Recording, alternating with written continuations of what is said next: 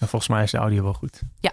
Oké, wil je beginnen met een makkelijke of een moeilijke vraag? Eh, nou, een makkelijk. Even erin komen, toch? Oké, wil je me vertellen over die droom van de... Van de... ja, natuurlijk. Ja, ja dat, was, dat was zeg maar. Toen was jij net een beetje een soort van. Nou ja, dat was een beetje in de, in de Fitboy-tijd. Dat ben je natuurlijk nog steeds, maar je hebt nu ook een aantal andere dingen. En uh, je had toen heel veel van die leuke filmpjes. En uh, uh, nou, Jammer de Boer, de website begon eigenlijk een beetje, zeg maar, interesse te wekken. En op de een of andere manier had mijn subconscious, die was gewoon op jou gelokt. En dan één keer in de zoveel tijd, dan was er dus een droom waarbij jij mijn sidekick was of, of ik jouw sidekick. En dan moesten we dus... Maar dat vond ik echt sick dat die gewoon vaker terugkomt. Ja, ik ook. Dat was ook karakter. Echt... ja, precies. Ja. Maar dat komt denk ik omdat je best wel... In je filmpjes ben je best wel sassy en best wel snel en quick-witted, zeg maar. En dat, dat, nou, dat, dat vind ik leuk. En dat past natuurlijk heel goed eigenlijk bij zo'n soort detective-achtige sitcom. En mijn subconscious dacht gewoon, dit is leuk, hier gaan we wat mee doen.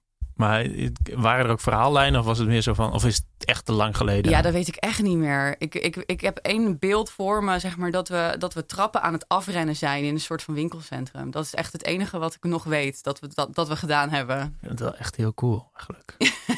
Het is ook wel een beetje creepy, toch? Of niet? Ja.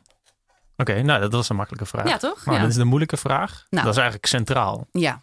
Ehm, mijn vraag is eigenlijk waarom je als eh dertiger eh, denkt dat je... een- Wauw, hier ligt, hier ligt zoveel, zoveel vilijnheid in deze. Nee, waarom je als dertiger denkt een, een boek te schrijven waarmee je... eh, ja, waarom denk je eigenlijk dat je het nu weet, hoe het ja. werkt? Ja, nou ja, ja, wie denk ik wel niet dat ik ben, zeg maar, een beetje. Ja, ja. Nou, eigenlijk is, komt de vraag vanuit mijn eigen onzekerheid. Mhm. Omdat ik ook heel vaak zoiets heb van, oh ja, dat zit natuurlijk zo. Laat ik het opschrijven op mijn, ja, op mijn ja, blog. ja. Zoals jij dat waarschijnlijk ook doet. Of je leest een zelfhulpboek en denk je, oh ja, natuurlijk. Tu ah, it all makes sense now. ja, het is dit. precies. Ja.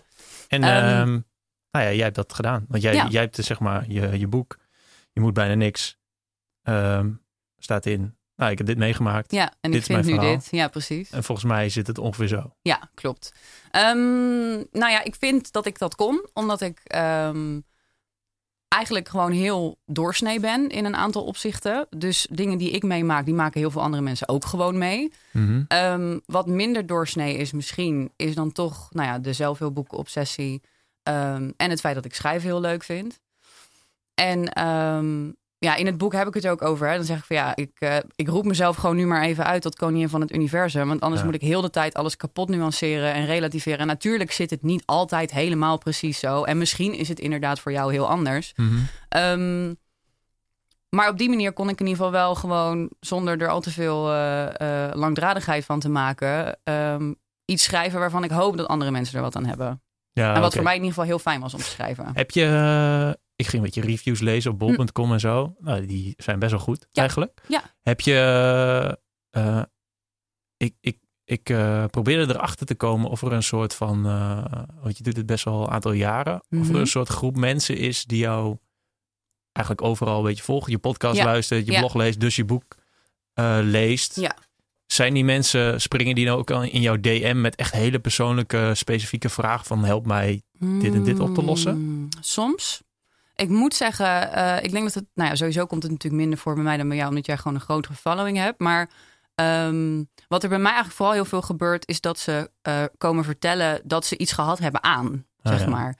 Ehm, en het is niet zo dat ze dan op zoek zijn naar mij als therapeut of mij als coach. Ze willen gewoon vertellen van iets wat ik gezegd of geschreven heb, dat ze daar iets aan hebben gehad. Ehm, vroeger kreeg ik ook nog wel wat meer coachingsverzoeken.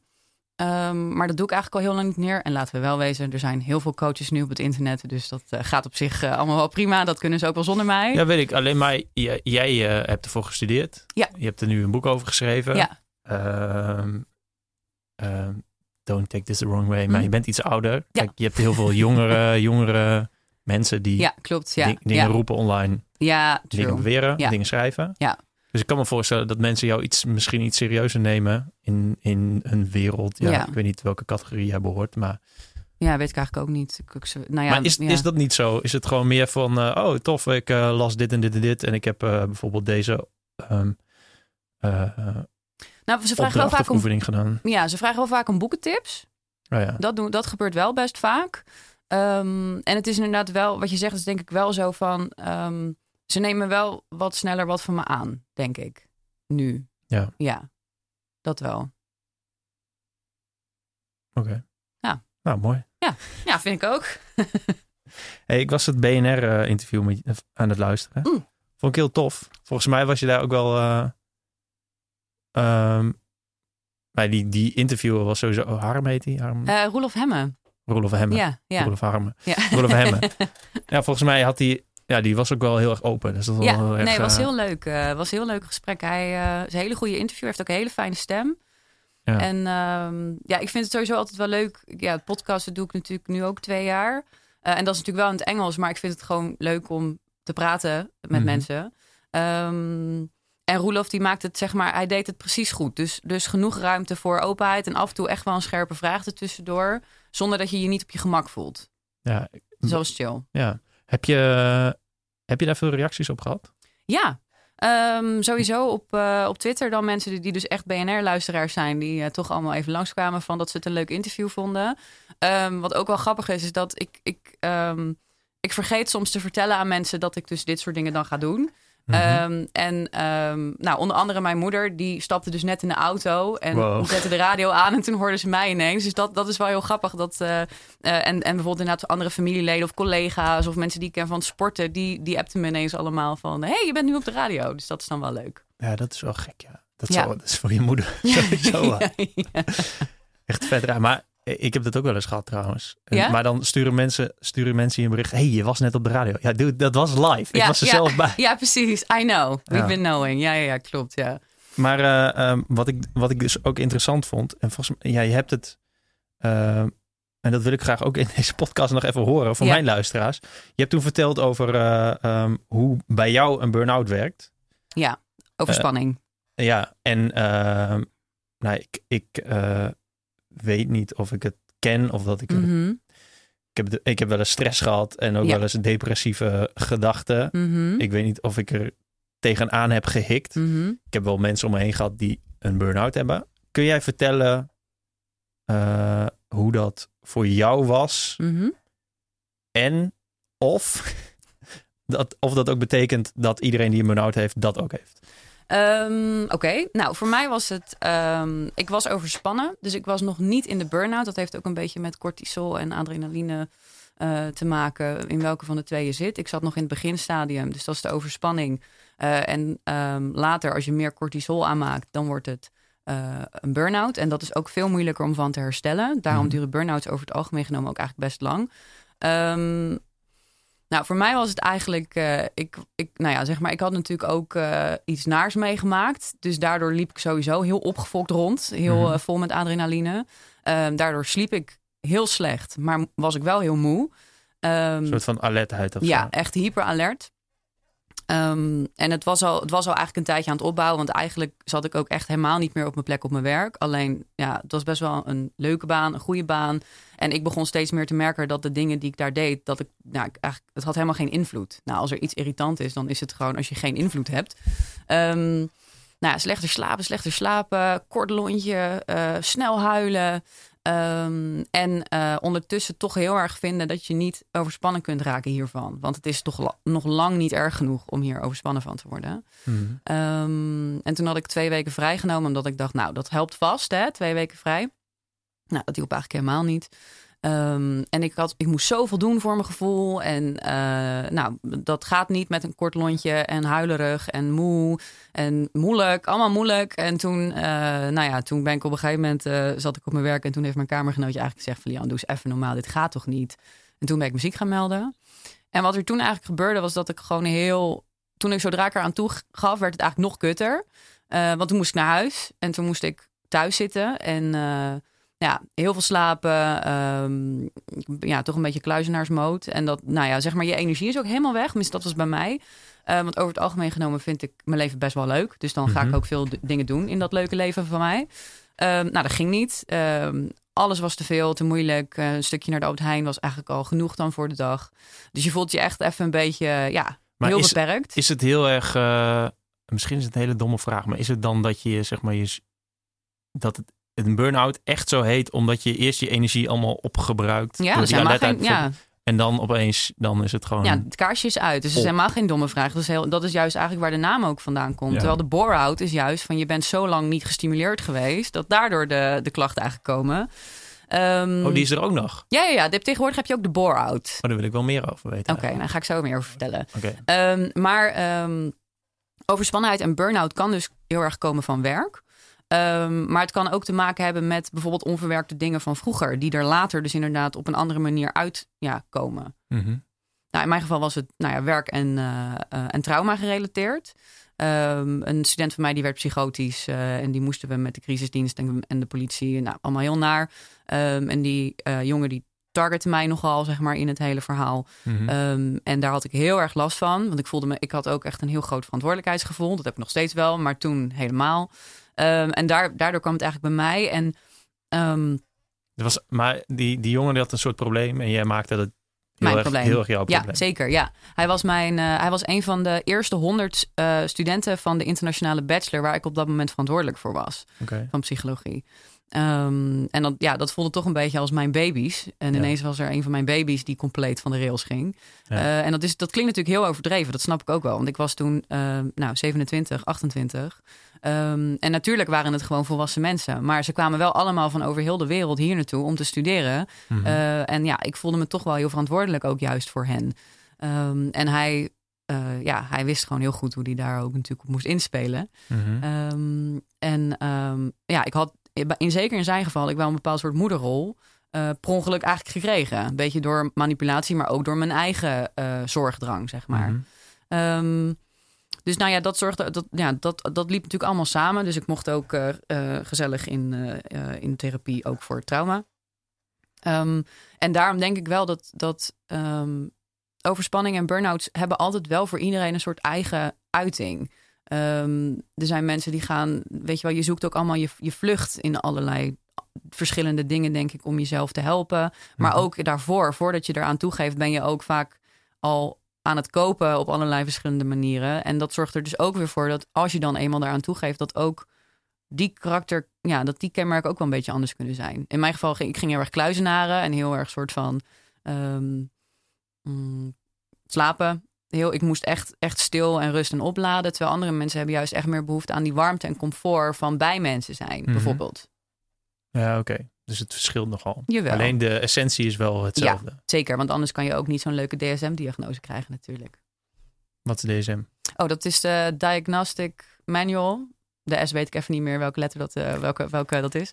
Eh, maar dat, is de, dat zijn de diagnoses die je krijgt op het moment dat je wordt doorverwezen naar een psycholoog. Maar de, de diagnose heet dat? Of Ehm, de, de, de diagnose die ik heb gekregen was surmenage. Dat is eigenlijk het tussenstadium van overspanning, surmenage en dan burn-out. Ehm, oh, het, is niet, eh, het was niet helemaal. nee, dat was niet helemaal. De tussenfase. Ja, ik zat in de tussenfase. Maar wat is dan het verschil? Zoals mijn psycholoog het uit heeft gelegd. Dus ik hoop dat ik het nu goed doe. Ehm, zo niet, eh, sorry Wouter. Ik heb echt wel dingen van je geleerd. In de overspanning. Eh, daar kun je in principe binnen zes weken ook wel weer een heel stuk van opgeknapt zijn. En dat heeft dus te maken met ook de, de hoge levels van adrenaline. Ehm, op het moment dat je dat lang aanhoudt, Ja. ehm, dan verandert dat op een gegeven moment dat er ook heel veel cortisol wordt aangemaakt en dat het niet meer goed, dat het niet meer goed gereguleerd wordt. Oh, zo, ja, ja. En daar word je ook zo moe van. En waarschijnlijk zat ik dus eigenlijk precies in het tussenstukje. Eh, en surmenage is dan dus een van de officiële ja, termen. Dus, dus eh, ehm, oké, dus overspannen is een soort van de hele tijd in een verkeerde versnelling. Ja, En je eigenlijk kunt terugschakelen. Ja. En eh, als je dat lang, lang genoeg niet terugschakelt, dan ga je stuk. Ja, dan is je, is je versnellingsbak kapot. Ja, precies. Ja. En jij zat er net, ik zeg zat maar... er net tussen. Bij mij was die wel, had wel onderhoud nodig. Ja. Ah, oké. Ja. Welke, eh, welk zelfhulpboek Mhm. heeft je het meest geholpen in die... Vertel eens over The Secret. Oh, zin in. Ja. Ehm, nou, The Secret heeft mij helemaal niet geholpen in die periode in ieder geval. Ehm eh, The Secret is een... eh, een eh, vroeger was ik was echt wel, toen dat net uitkwam, was het helemaal... Oh, wow. En iedereen was er Het was helemaal... volgens mij een van de... Volgens mij... Het is best wel lang geleden, toch? Heel lang, 2008. Maar en wa- ik heb het idee dat het ook wel een soort van internet ding... Een van de eerste soort van heel erg hype boeken of zo. Ja, klopt, ja. ja. Want wat zij zegt in dat boek, dat zie je al in superveel andere zelfhulpboeken, zie je dat gewoon terug. Ik bedoel, Het iedereen... Net een goede titel natuurlijk. Ja, ook. Ja, een hele goede titel. Supergoed marketingteam. Opera, ja, dan gaat het natuurlijk al snel. Ja. Ehm, maar het idee van the law of attraction en het idee van eh, energy flows where attention goes, dat is echt oldest balls. En dat is overal al gewoon, dat zit echt al in elk zelfhulpboek eigenlijk. Zelfs in, nou ja, je hebt natuurlijk die hele oude Think Big and Grow Rich. Daar is Jelle Derks bijvoorbeeld ook heel erg fan van geweest. Ik Ja. weet niet of dat nu nog zo is, maar dat was vroeger wel. Ehm, dus dat, dat was eigenlijk helemaal niet zozeer revolutionair. Maar de manier waarop ze het, in, waarop ze het verpakten was natuurlijk wel echt super bijzonder. Dus ik was in die tijd was ik echt hyped as hell. En vond ik dat echt super interessant allemaal. Maar het is echt een kleuteruitleg van iets wat A, nooit wetenschappelijk bewezen is. En B, veel ingewikkelder is gewoon door hoe we zijn als mensen. Mhm. Is, is, is, de, is het schrijfster? Rhonda Barn, ja. Is zij, doet zij nu nog dingen? Heeft ze nog iets daarna geschreven? Of- Ze heeft, daarna heeft ze er nog een aantal gedaan. Zij heeft ehm, ook nog de Power ervan gemaakt. En The Secret for Teens of zo. Weet je nog een beetje Ah, wel. ja. Natuurlijk lekker Milk the franchise natuurlijk wel. Lekker maar ik zou, maken, ja, ja. precies. Maar ik zou echt niet weten wat ze nu doet. Dat heb ik echt geen idee van. Oké, dan was dit was even een zijstap. Want eh, dit, ja, hier sorry, had je, hier had je natuurlijk niks aan. Nee. Ehm, Mag niet sorry te zeggen. eh, mag, ik, eh, mag ik vloeken? Want ik zei net fuck. Ja, oh ja. Ja? Ik heb standaard een, eh, een eh, hoe heet dat? Heb je een Parental eetje? Heb je, Advisory. ja, heb, eh, oh, top. Je hebt een eetje. Helemaal goed. Ehm, precies, daar moeten we even gebruik van maken. ja. Ehm, waar ik überhaupt het meest aan heb gehad is Self-Development for Smart People van Steve Pavlina. Dat vind ik echt topboek. Ehm, hij is echt mega weird, maar hij, is echt een, hij heeft echt een heel goed zelfhulpboek geschreven. Heel anders ook, vind ik, dan de meeste zelfhulpboeken. Hij is eigenlijk best wel een beetje droog. Maar ehm, hij gebruikt eigenlijk een aantal principes, drie basisprincipes. En, daar, en die legt hij dan ook soort van in een soort driehoek. Eh, en die maken dan combinaties waar je ook weer heel veel van opsteekt. Ja, ik weet niet, op de een of andere manier is het echt wel een hele, een hele Welke leuke. Weet je uit jou? Ehm, de drie basis zijn love, truth, power. En die, die combinaties, die weet ik even niet. Ehm, nee, daar durf ik echt even niks over te zeggen. Eh, maar ik probeer die dus één keer in de zoveel tijd dus wel te herlezen. Omdat ik er wel elke keer toch wel weer iets uithaal. Ehm, ja, ik las dat je in jouw boek, dat je inderdaad best wel veel boeken heel vaak leest. ja, klopt ja. je- maar sommige, eh, hoe, wat is vaak? Kijk, als ik een boek Ehm, tof vind, Ja, dan heb ik hem denk ik drie keer gelezen. oké. Ehm, nou, ik, ik herlees elk jaar Harry Potter. 1 tot en met 7. Allemaal. Allemaal. Jezus. Ja, ik weet niet. Ik, zeg maar, het hangt. Het, weet je, zelfhulpboeken, daar moet je ook een beetje voor in de mood zijn, zeg maar. Ik, ga Mhm. niet, ik ga niet elke dag zeg maar, een productivity boek zitten lezen. Ik ga ook niet elke dag een super zweefboek zitten lezen. Maar één keer in, in de zoveel tijd vind ik het wel lekker om even weer daarop terug te grijpen. Ik was weet, je, ja, ik weet niet. Was je in de mood voor zoveel boeken toen je dat op je elfde, of weet ik veel wanneer je begon? Ja, blijkbaar. Ja, ik weet het ook niet. Ja, ik, ik, ik, eh, ik vond het heel mooi om te lezen, want ik dacht, ja, ik ben deze persoon. Want ik ging ook naar de bieb boeken halen en dat de bibliothecaresse zei, dit boek is voor volwassenen. En dat ik dan daar stond als mannetje van 1 meter 21. Ja, maar ik wil dit boek ja, ik lezen. wil het boek gewoon lezen. Ja. Ja. You can't tell me shit, Sharon. Ja, Was ook echt Sha- een Sharon ja precies. Ja. Nee, ja, ik, ik, ja, ik, ik, ik, ehm, ik denk dat ik altijd wel een beetje zo'n soort strebertjes ding heb gehad. Zo'n nerd ding. Dus dan ben je natuurlijk ook wel een beetje letterhongerig en, en, en leergierig. En ehm, ja, ik weet niet. Ik, ik, ik, ik zag iets staan en ik dacht, oh vet, ga ik eens lezen. En eh, ja, ik denk dat er toch altijd een soort van hang naar beter worden in heeft gezeten. En die kwam eigenlijk toen wel eruit al. Terwijl er was natuurlijk niks aan de hand. Want wat had ik nou te doen? Ja, ik wilde graag een bal leren vangen, maar dat is überhaupt nooit gelukt. Ehm, maar eh, eh, ja, ik weet niet. Dat, dat op de een of andere manier trok het, trok het me aan. En nog steeds. En hoe zal ik het zeggen? Ben, ben jij. eh, ehm, shit, man. In mijn hoofd zit een vraag die er niet echt uitkomt. Nou, ik zit te Probeer denken maar. ehm, of jij nu een soort van de. Nou, ja, het is sowieso een categorie zelfhulp. Hou je die een beetje in de gaten? Is er nu. Ja, er komt heel. Ik denk dat er nu nog veel meer komt of, en is dan. Ja. Nou ja, je zegt het al, want je, je, je deed het al voordat het tip was. Ehm, maar hou je het een beetje in de gaten? Pak Ja. je ze nog allemaal erbij en dan. eh, Nou, de stroom gaat nu zo hard dat ik, ik kan echt niet met mijn ene hoofd eh, en mijn een soort 24 uur per dag. subcategorie zoeken, zeg maar. Ja, klopt. Ehm, wat je nu ook veel meer hebt, is ehm, echt een beetje die eh powervrouw categorie. Ja. Dus Nice Girls Don't Get the Corner Off. If You Have to Cry, Go Outside. you Got This, Babe. Weet je dat soort Ja. boeken. Dat is ook leuk. Eh, maar je moet het inderdaad een beetje zoeken. En ik, ik merk dat ik nu bijvoorbeeld heel erg een beetje... ehm, ik word heel erg aangetrokken tot boeken waarin mensen echt dingen hebben gedaan. Snap je? Dus ehm, bijvoorbeeld, je hebt nu het boek van ehm, Marianne Wil- Williamson, geloof ik. Zij, het boek heet Help Me. En zij gaat eh, eh, een jaar lang elke maand met een ander zelfhulpboek leven. Oh, ja. En dat is heel leuk geschreven, want het is een Brit. Dus lekker een beetje op zijn Mhm. Britse humor en een beetje leuk. Ehm, en nou ja, zij gaat dus echt die dingen toepassen. En dat, dat vind ik dan extra leuk om te lezen. En ik heb ook heel erg zin in Anne Merelder boek. Mhm. Eh, want die heeft natuurlijk nu, nou, 16 plus weken geleefd als topatleet.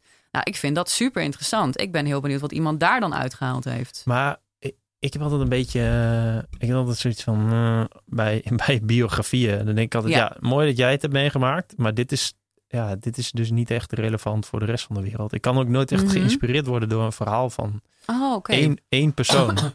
Sorry. Oh nee, ik Als vind in- dat juist wel leuk, ja. Ik vind het wel tof om te lezen, want volgens mij vindt iedereen dat. Verhalen Mhm. van anderen, Ja. het gewoon een beetje voyeurisme. Zeker. Wauw, dat kwam me niet goed uit. Maar in ieder geval, ja, dat vinden mensen interessant. Ja. Alleen ik heb nooit zoiets van, wow, vet, ik ben nu geïnspireerd. Oké. En daarvoor heb je dan eigenlijk meer nodig van dat iemand echt vertelt hoe iedereen het kan doen. Nou ja, dat, dat is in ieder geval, zeg maar, een meer wetenschappelijke benadering. Ja, Zo true, van, zeg maar, natuurlijk. Ja, ik heb- ja, de onderzo- het, het onderzoek wijst uit dat ja. waarschijnlijk Ja. dit en dit en dit. Maar dus, dus eh, voor jou is een zelfhulpboek tof. En het hoeft niet per se goed te zijn, maar Mm. tof als, als je iets leest van iemand die iets ervaren heeft. Of iets doorgemaakt heeft. Ja. Of, en het, zeg maar, het kan ook zijn dat iemand het echt puur schrijft als van nou, hè, dit zou moeten werken voor ongeveer iedereen. Mhm. Zonder dat hij daar heel erg zijn eigen ervaringen in hangt.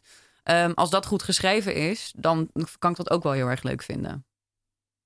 En ik schaal eigenlijk Ja, de, de ja. wetenschappelijke zelfhulp. Dat is, eh, dat is ook een subcategorie eigenlijk. Want je bedoel, ja, heel veel mensen die zuigen gewoon wat uit hun duim. Ja, klopt. Het, Ja. het is best wel ehm, moeilijk om daar onderscheid in te maken eigenlijk. Ehm, nou, ik vind dat je ze wel herkent. De, Hoe dan? eh, nou ja, zeg maar, je hebt, ik weet op de een of andere manier, ik vind in boekenwinkels zie je het eigenlijk ook altijd. Maar goed, dat is, ja, misschien spreek ik een beetje vals, want ik ken natuurlijk heel veel namen dus van mijn studie. Ja. Dus weet je wel, boeken zoals Thinking Fast and Slow en Focus en ehm The Time Paradox, weet je wel, dat zijn, ehm, dat zijn soort van zelfhulpboeken, eh, maar wel met superveel onderzoek eronder. Ja, precies. En dan, dan herken je het. En ik moet zeggen, je, ehm, ehm, het is ook wel echt een goed paradepaardje. Want natuurlijk heeft het meer zin. eh, of het, het, is, eh, het heeft een bepaalde waarde als het wetenschappelijk onderzocht is. Mhm. Dus dat staat ook wel vaak toch wel een beetje in de blurb. eh, en vrij vroeg in het boek. Dus dat kom je op zich wel snel tegen. Ja, oké. maar kunnen we nu voor de luisteraar ehm, soort regels opstellen? Dat als hij in een boekhandel staat of een Mhm. bibliotheek, van oké, let hierop, want Ja. dit, dit is waarschijnlijk bullshit. En Ja. dit is waarschijnlijk, want je zei zelf al bijvoorbeeld bij BNR, Ja. als iemand zongebruind is met Ameri- tanden. De Amerikaan. ja, Maar ja, dat, dat zegt natuurlijk ook niet. nee, dat zegt niet alles. Dat zegt niet alles. Maar ik moet ook wel zeggen, ik bedoel. ehm, Brian Tracy heeft een paar supergoeie eh tijdsmanagementboeken geschreven. Dus ook al is hij dan zo'n zongebruinde Amerikaan, hij heeft ook wel eens wat nuttigs gedaan. Dat geldt ook voor de boeken waar niet per se 100% een wetenschappelijke basis in zit. Want ook daaruit eh, kun je iets halen wat je daarvoor niet zo zag of niet zo wist. Ja, ja, dat vind ik dus ook, ja. Ja. Want, want heel vaak ook over, eh, kun je in romans Ja, zeker. betekenis halen. Dat je denkt, oh ja, nice, Ja. dit kan ik ook toepassen in mijn eigen leven. Oh ja, dat is eigenlijk wel vet. Een mooie, mooie. Dat is mooi überhaupt dus met lezen, met boeken. Ja, Ja. ja, ja. Nou, ik denk dat, dat als je een beetje wetenschappelijk-achtige eh, non-fictie zelfhulpboeken wil herkennen, er staat bijna nooit een mens op de voorkant, maar een potloodje of een eh, streepje of een, eh, alleen maar de titel. Het is vaak een New York Times bestseller. Mhm. Ehm, wat nog meer? En op de achterkant kan je vaak vinden dat iemand dus, nou ja, ehm, eh, ja, PhD in ieder geval is. maar sowieso vaak al wel meer dan dat. Dus de hoogleraren en zo. Ja, en het inderdaad bijvoorbeeld die eh, Thinking Fast and Slow. Ja. Dat komt ook overal terug in allerlei andere boeken. Ja, er wordt de hele ja. tijd naar Ja, verwezen. klopt, ja. Ja, ja. Sowieso die, die Kahneman heet die toch? Ja, Daniel, ja, Daniel ja. Kahneman. Dat die, ja, volgens mij is een soort van, ik weet niet eens wat voor, wat voor wetenschap hij eh, doet. Ik dacht psycholoog. Volgens mij was dat hij heel erg in de cognitieve psychologie. Nou ja, dat, dat komt in ieder Makes geval sense, ja. overal. Ja, Dus zie ja. ik zijn naam en denk, nou ja, dan zal het wel ongeveer kloppen wat hij heeft gezegd. Hij kan wel vast iets, ja. Ja. ja. Kun je iets vertellen over eh, Byron Katie? Ja. Over eh, The Works. En je vertelde dat, ehm, dat hij, eh, dat zij, ik kreeg de indruk van haar dat het Mhm. ook een beetje, het is een beetje spiritueel ge- Mega. gelul. Mhm. Alleen je zei, dat, dat hoorde ik ook in die BNR-podcast, Mhm. dat het nu Ja. ehm, gebruikt wordt omdat die eh, werkbladen ja, valide ja, zijn. Ja, klopt. Kun je dat uitleggen? Ja. Eh, nou, Byron Katie is dus echt inderdaad mega zweef. Mega zweef. Het is een spirituele, of nou ja, zelfhulpboekenauteur die... ehm, eh, die heeft een bepaald soort methode bedacht met vier vragen. En op basis daarvan zijn eigenlijk ook een soort werkbladen ontstaan. En die vier vragen die gaan heel erg over het uitdagen van, van wat je denkt. Want je wordt eigenlijk, ja, je gedachten zijn geen feiten. Mhm. En dat weet je wel. Maar je weet het pas echt als je het goed gaat onderzoeken. En die vier vragen die zij heeft gemaakt, en dat is volgens mij gewoon heel simpel. Eh, is het waar? Eh, weet weet je ik, zeker weet dat je het zeker dat het waar is? Ehm, ehm, eh, hoe, ja, nou ja, nog zo twee die ik even niet 100% zeker kan weten. Maar die kunnen we misschien wel in de show notes zetten. Oh ja. Ehm, en wat er eigenlijk gebeurt is op het moment dat je die, die vragen beantwoordt, dan ga je, je neemt een soort, je, je neemt even afstand van dat verhaal waar je zo In geïdent- jezelf mee hebt geïdentificeerd en waar je zo jezelf in vastgebeten hebt. En ehm, ik weet niet precies hoe dat is ontstaan, maar die werkbladen die zijn op een gegeven moment zijn die dus een beetje opgepikt in de Nederlandse GGZ. En er was dus sprake van dat ze wilden gaan kijken of ze het ook echt konden valideren als Ja. een waardevolle eh, behandelmethode. Mhm. Maar dat, dat is nog niet zeker. Nee, zeg maar, ik weet niet, zeg maar, dat voor mij is het natuurlijk ook inmiddels alweer een jaar, anderhalf jaar geleden. Mhm. Eh, ik, ik heb toen van mijn psycholoog gehoord dat ze daarmee bezig waren. Maar ze worden in ieder geval wel gewoon echt nog gebruikt in de behandelingen. En eh, valideren dat voor, me- betekent. voor mezelf en voor, Mhm, en voor ja. de kijk, voor, voor de luisteraars. Ja. ehm, betekent. Het valideren betekent dat er wetenschappelijk onderzoek, dat het eigenlijk wordt het evidence-based. Ja. Dus dan doen ze genoeg, nou, ze gaan eigenlijk gewoon een onderzoek doen met een bepaalde populatie, waarin ze dat dus gebruiken om bepaalde klachten te reduceren of iemand in ieder geval een betere ja, ehm, staat van wel, eh, welzijn eigenlijk te geven. Dus ze, ja, je begint met de behandeling en dan voel je je zo. Nou, dan ga je die werkbladen een tijdje doen en aan het einde doe je weer een meting. En als het goed is, voel je je door die werkbladen dan in ieder geval significant beter. Ja. Bij, en als je dat bij genoeg groepen doet of bij groot genoegen groepen, dan kan je op een gegeven moment zeggen dat het een evidence-based eh, treatment is. Mhm. De gevalideerde vragenlijst. Ja, dat is ook zoiets. Ja, ja. Ehm, ik ga een beetje van de hak op de tak. Ik vroeg me af of je. Ik wil eigenlijk over je boek hebben. Mhm. Ook, ook over het schrijven ervan. Ja. Nou, laten we simpel beginnen. Hoe Hm. heb je dat. Nee, laten we nog, nog simpeler beginnen. Zin in. Hoe is het begonnen, dat boek schrijven? Ja. Want waarschijnlijk wist je dat tien jaar geleden al dat je het wilde doen. Ik wist al heel lang dat ik het wilde doen. Ehm, maar ik ben toen op een gegeven moment ehm, eh, benaderd op Twitter door eh, Maarten Boers. Dat is nu eh, een soort van mijn literair agent, maar dat was toen ook mijn redacteur. Ehm, hij Van benaderde- Nieuw Amsterdam. Van Nieuw Amsterdam. Ja, hij benaderde mij en ehm, eh, eh, zei wanneer komt je boek? En ik had eigenlijk helemaal niet gekeken. Dus ik zei gewoon van nou, geef me een contract. We- Stoer doen. over een half jaar heb je een boek. Mhm. Nou, ja, en toen mocht ik ineens komen praten over Mhm. dat boek. En kijk, het was in een bepaalde periode. En dit, is, dit, dit klinkt echt lulliger naar mezelf en alle andere mensen dan dat ik het bedoel. Maar er was op dat moment een beetje een wapenwedloop gaande op bloggers met boeken. Welke eh, jaartal is dit? Dit is 2015. Ah ja. Dus echt, zeg maar, als je. Toen was er ook een wa wa- Nee, het waren er twee die bij mij kwamen. Oh ja? In 2015, ja. ja? Ja, nou, daar ga je. We waren onderdeel van de wapenwedloop. En eigenlijk was het best bijzonder dat ik ook onderdeel was van de wapenwedloop. Want ik ben hartstikke leuk. Maar ik heb niet eh 10k volgers. Dat heb ik nooit gehad. Omdat ik altijd toch een beetje met mijn Engelse blog eh, en rare onderwerp toch een beetje soort van een beetje er tussendoor eh, Mhm. wiebelde. Dat is ook prima. Maar ik was toen dus wel eigenlijk een beetje in die wapenwedloop getrokken. Van we willen mensen die kunnen schrijven. En die al in ieder geval een beetje een, eh, een, een, ja, een, een, groepje mensen, een, een publiek heeft die het soort van wel leuk vindt. Ja. Dus ik ben toen daarvoor gevraagd. En toen hadden we een idee, een idee. En daar zijn we toen een beetje mee aan de slag gegaan. Maar, goed, Maar was het idee ervoor nog niet, zeg maar? Want dat is, dat is nog maar drie jaar geleden. Was Ja, het niet klopt. zo dat jij... Mm, ik, eh, nou, ik had toen het idee. Je, je hebt toch echt, als je boeken leest, dat je denkt... Hm. Hmm, hoe zou ik dat zelf doen? Wat is tof? Hoe zou ik zelf Ja. een boek maken? Of Nou ja. leg ik je nou woorden in de mond? Uh, nee, dat valt wel mee. Maar ik denk dat ik... Ik weet, ja, ik weet niet hoe dat voor, voor jou is. Maar goed, ik kan me voor... Je hebt er nu ook alweer drie. Dus ik denk dat je dat ook wel een beetje herkent. Ik heb altijd een aantal verschillende ideeën in mijn hoofd rondvliegen. Mhm. En af en toe dan pak ik er eens eentje. Maar dat, ja, weet je wel, het is ook een beetje random soms. Van oké, we gaan gewoon een soort van in die bingo uh, of in de lingo uh, dingen. En dan zien we wel wat er, wat er opkomt. En nou had ik dus voor deze had ik wel het idee dat ik wilde eigenlijk al die shit die ik dus heb geleerd uit zelfboeken, wilde ik heel erg intens gaan toepassen. Um, en dan kijken of ik een soort supermens kon worden. Ja. Uh, spoiler alert, dat is nooit gebeurd, want daar werd ik dus knetter overspannen van. Um, maar dat, dat was toen het idee. Um, en ik heb toen, nou ja, toen heb ik zo'n hoofdstuk uh, outline gemaakt en uh, een stukje geschreven. Nou ja, en toen is dat, heeft dat wel tot een contract geleid.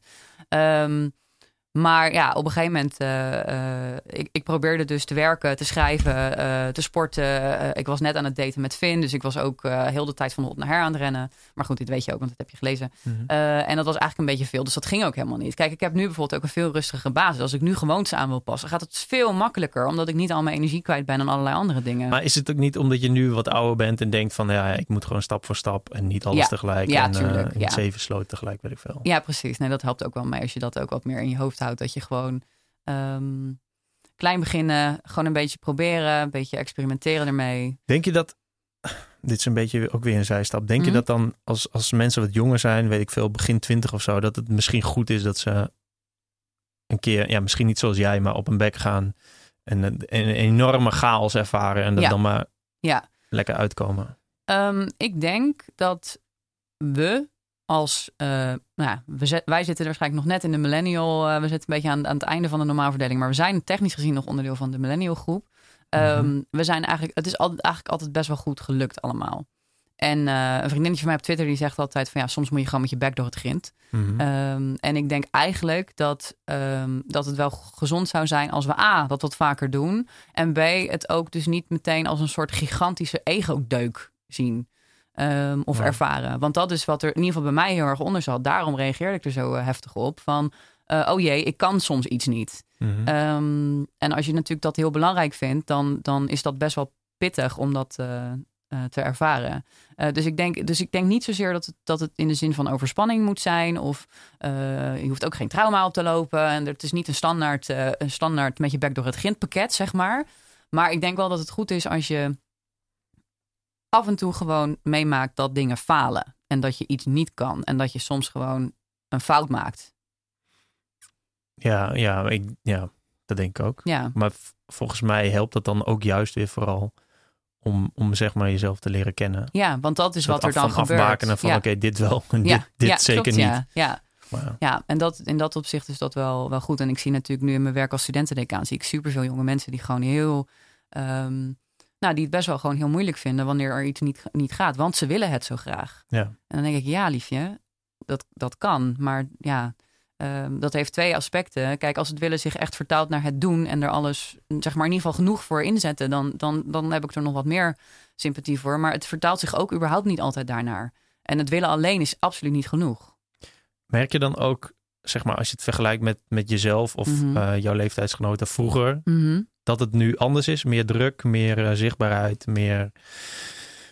Misschien wel meer druk van ouders, weet ik veel. eh, of, Ja. of in ieder geval. Ja, vind ik moeilijk. Want ik denk dat het op zich, dat, dat, er is heel veel druk ook zelf opgelegd. En dat heeft dan volgens mij niet zozeer te maken met, ehm, met hoe, hoe ze zijn. Maar wel, eh, kijk, ik ben opgegroeid in een tijd dat je gewoon nog domme dingen kon doen. Zonder dat er gelijk een filmpje van was op het internet. En ik denk dat dat Ja. wel, wel echt een dingetje is.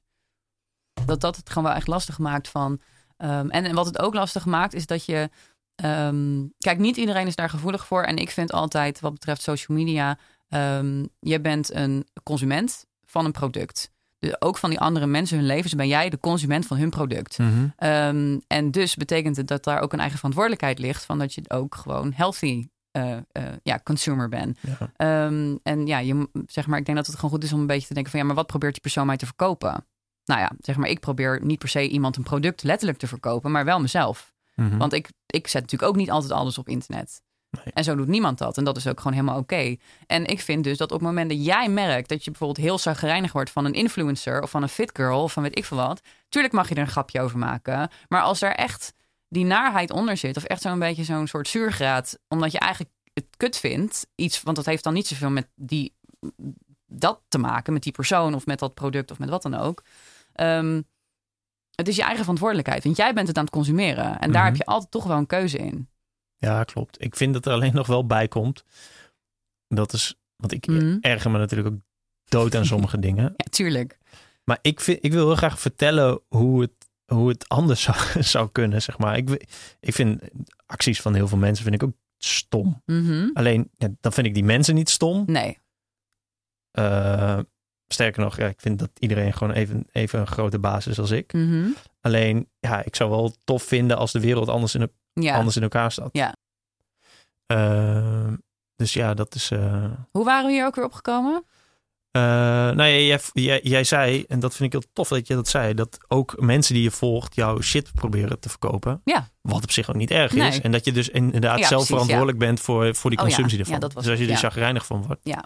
En Ja. d- maar dat vind ik ook, eh, ik vind dat ook. Ja, kijk, eh, op een gegeven moment volg ik ook mensen niet meer die ehm, mij dingen verkopen waar ik of stress ja. van krijg. Ja, precies. Ja. Of denk van, eh, wat heb ik hier aan? Of weet ik wel, dat, soort dingen. Ja. Die, kun- die kun je gewoon ontvolgen. Ja, dat is heel erg fijn. Dat is heel erg een fijne remedie. Ja. Stoppen met dingen die Ja, niet precies. En zeg maar, ja, dat vind ik ook bijvoorbeeld met, ja, het is ook niet persoonlijk, zeg maar. Ik vind inderdaad die persoon verder niet stom. Alleen, ja, het plaatje wat ik hier online zie, word ik gewoon niet blij van. Dus unfollow, unsubscribe, unfriend. Eh, denk je dat die wereld er nu online anders uitziet dan bijvoorbeeld in 2015? Of dat je er gewoon anders over nadenkt? Mm, ik denk dat ik er anders over nadenk ook wel. Want, nou ja, zeg maar, ik eh, zat vroeger vast ook wel zuur te doen over allerlei dingen. Waar ik dan eigenlijk dan blijkbaar voor mezelf iets mee moest. Mhm. Ehm, maar dat je er, naarmate je... Vind je dat trouwens, even tussendoor, vind Hm? je dat altijd dat als... Nee, Dat je, kan iets dan- ook gewoon kut vinden omdat het kut is. Mhm. Of, bedoel, of vroeg, bedoelde je dat niet? Ja, dat bedoel ik eigenlijk. Van, kijk, ik betrek het natuurlijk weer op mezelf. Gezien ook, ik, ik, roep ook heel vaak dingen dat ik, dat ik het stom vind. Maar het, Mhm. ehm, Het heeft niet altijd met jezelf te maken. nee, precies. Nee, het heeft zeker niet. Want dat vind ik ook altijd een beetje een zwaktebod. eh op het moment. Kijk, want dan hoef je namelijk nooit ergens over na te denken. Als jij gewoon altijd kan zeggen. ehm, eh, ja, nee, maar dat is gewoon omdat ze jaloers zijn. Of ja, dat is altijd alleen maar omdat ze zelf onzeker zijn. Nee, nou, da- dat is echt niet per se hoor. Ze kunnen ook gewoon wel echt iets van jou vinden. Zonder dat dat meteen betekent dat het allemaal bij die ander ligt. Mhm. Ehm, en soms dan zijn dingen gewoon stom. Ja. Ehm, zeg maar, Ja. ik vind bijvoorbeeld heel irritant dat iedereen op, op Twitter. eh, nou, ze zitten. Ja, zeg maar. ze- er wordt zo hysterisch op elkaar gereageerd. En dan ontstaat er echt een soort gigantische Twitter-fitty. eh, van mensen die elkaar eigenlijk best wel aardig vinden. maar die dan niet 100% hetzelfde denken. Ja, ja. En dat vind ik echt zo erg. En dat is niet omdat ik, eh, omdat ik issues heb. Maar dat is gewoon omdat ik denk van ja, maar dit is gewoon stom. Ja, klopt. Maar ehm, denk je... Kijk, ik vind het ook heel leuk om te discussiëren met mensen. En eh, zoals ik al zei, dan vind ik mensen niet direct een mogol. Nee. Ik had bijvoorbeeld... eh gisteren postte Lisbeth Rasker iets over... eh, er was een oproep voor een tv-programma. En er, waren, Ja? er werden vrouwen gezocht. Vrouwen, of, dames, vrouwen, meisjes. En hun schoonmoeder. Omdat ze dan... Waar ze niet mee goed door één deur konden. En zei Lisbeth Rasker... Mhm. Waarom eh, niet eh, mannen en een eh, schoonvader? Ja. Toen reageerde ik daarop dat waarschijnlijk Jordan Peterson wel een goed antwoord voor haar had. Mm. En toen zei zij, oh ja, die, Oh, oh ja, die engnek. Ja. En nou ja, goed, dat ging dan, ging dan een beetje van, ik, ja, wat bedoel je? En toen stuurde ze screenshots van een of ander artikel van Ja. De Groene. Mhm. En toen ja, ontvouwde zich een soort van discussie waarvan ik al, eigenlijk al de, uit, de eindstand wist, zeg Ja. maar. Dat eh, Lisbeth vindt iets en ik vind iets. Ja, volgens mij vinden we elkaar wel een mooie baas. Ja. Maar we vinden andere dingen. Ja. En ik dacht, ja, dat heeft weinig zin. Ehm, dus eh, ik, toen zei ik van, ja, ik trek me terug uit deze discussie. toen zei ze precies, ja, ja. is ook wel prima. Ja. Ehm, maar dan nog, ik had wel die discussie kunnen voeren zonder Ja. dat ik haar... ja, maar ik denk ook dat, dat het met sommige mensen ook wel kan. Ehm, alleen met heel veel mensen ook niet. Eh, en dat is soms lastig, omdat ik soms ook mensen zie waarvan ik denk dat ik het er wel mee zou kunnen. eh, eh, die dan toch helemaal hem gaan op iemand die ze volgens mij ook ongeveer net zo aardig vinden als ik. Dus denk ik, nou, misschien valt het dan wel mee. Want je kan het inderdaad prima met. Ik had, ik had toevallig van de uh, gisteren. ehm, ik had, ik uh, had het bedrijfsfeestje natuurlijk, uh, waar ik zo dramatisch over zat te doen op, uh, op Twitter. En toen reageerde er een gast, die reageerde met Pixar Didn't Happen tegen mij. Dus ik zei van nou, ik ben eh, dan en dan, dan eh, als ik mijn hele cosplay ding aan heb, dan zal ik een foto sturen. Of dan zet ik Mhm. een foto op Twitter. Eh, maar die reageerde daar ook mee op een stukje, op een tweet van Daniel Verlaan over het feit dat er allemaal weer BN'ers waren Oh ja, gehackt en zo. Ja. Ehm, en ehm, ja, ik ken die gast niet. En ik, ik weet je, ik laat heel veel dingen ook gaan. Omdat ik gewoon denk van ja, het heeft ook met heel veel mensen gewoon helemaal geen zin om dit te doen. Zeker niet met anonieme mensen op, op de Twitters. Mhm. Uh, maar ik had natuurlijk 's ochtends ook best oké op. Nou ja, het was niet heel vervelend. Het was ook niet heel goor. Ik bedoel, ik heb ook wel eens van die gore kerels in mijn DM. Dit was gewoon op zich nog wel prima. Dus ik reageerde toen met van, yo, misplaatst. En toen reageerde hij daar ook best wel chill op. Van, ja, ik wilde, ik wilde niet echt foto's. Ik zeg, nee, dat Maar hij, snap zei, hij maakt ook een soort van excuses, toch? Uiteindelijk. hij- hij, zei van, ja, dat was niet echt smakeloos. Ja, smaakvol. ja, hij zei toen wel zoiets van... eh, hij zei fair enough toen ik zei van... Ja, weet je, als ik dat dan zie, vind ik dat toch niet helemaal eh, passen. En eh, en weet je, ik breng het dan ook wel een beetje luchtig. Want in die end, no one is gonna die, zeg maar. Het is ook niet een drama. Maar weet je wel, dat is soms ook een beetje zoeken. Maar het is wel spaars zo'n reactie, want het viel me inderdaad op. Ja, ja, Dat hij zei van, oh ja, je hebt gelijk. ja, ja, precies. Ja, nee, precies. Ik kon bijna, zeg maar, ik kon bijna, mijn Twitter bio zeggen. Iemand zei een keer dat ik gelijk had hier. Ja, ja, Ja, nee, dat vind ik wel mooi, ja. ja. Ik weet niet hoe we hierop kwamen eigenlijk. Eh, Ehm, Ja, jawel. Het is nog Ja. hetzelfde onderwerp. ja. Maar, eh, ehm, ehm, maar doe jij dat veel? Eh, mensen, eh, doe je, mute jij veel? Eh, Verwijder jij Mm. mensen? Blokkeer jij mensen? Cureer je echt je Wel wat. omgeving? Ehm, niet, ik, ik volg wel heel veel mensen over het hele politieke spectrum. En dat betekent dus niet dat ik het altijd met iedereen eens ben. Maar ik vind het ook, weet je wel, ik, ik, ja, ik heb ook niet het idee dat het helemaal gezond is als je alleen maar mensen om je heen hebt die precies vinden wat jij vindt. Ehm, dus ik heb wat dat betreft wel een beetje, ja, best wel een soort eh, diverse, eclectische mix van mensen die ik dus volg. Maar ik merk wel dat op het moment dat ik iemand echt een paar keer dingen heb zien zeggen of doen waar ik echt helemaal niks mee kan. En dat kan van alles zijn.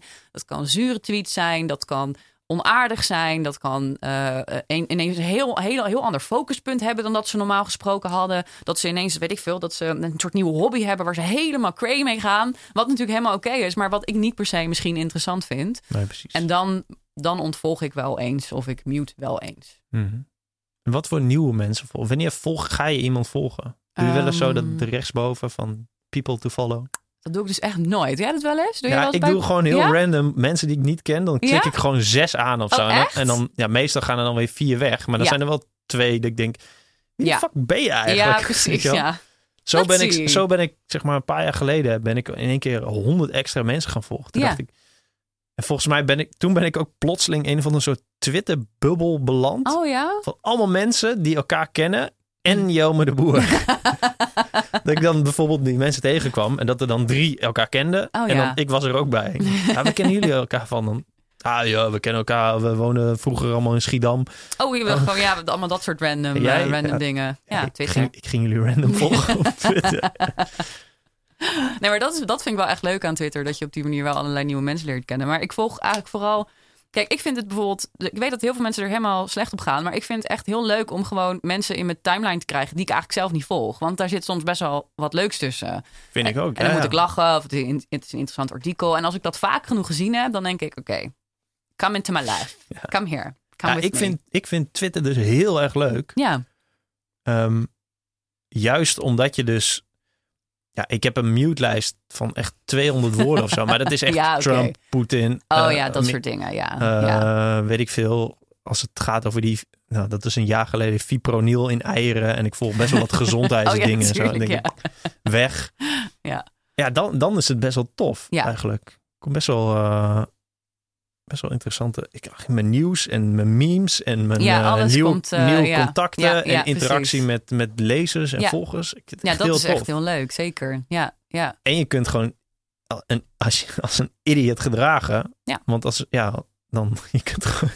Nou, ik bedoel meer domme dingen Nou ja, op Twitter zetten, ja, grappen maken. Ja, je kan een, ik vind het een heel leuk medium voor humor. Zeg maar, Ja. dat is eigenlijk een van mijn echt. Dat is waarom ik Twitter super leuk vind. Ja, en dat, dat, en dat kan dus bijvoorbeeld. Ja, Instagram post er worden ook wel memes gepost natuurlijk. Ja, maar het is toch anders. Twitter is wel Ja. echt. Ja, En het is ook, zeker als je natuurlijk van taal houdt, je moet in Ja. 180 tekens moet je er iets van maken. ja, dat is echt heel goed. ja. En dat is gewoon heel, ja, dat werkt gewoon heel goed.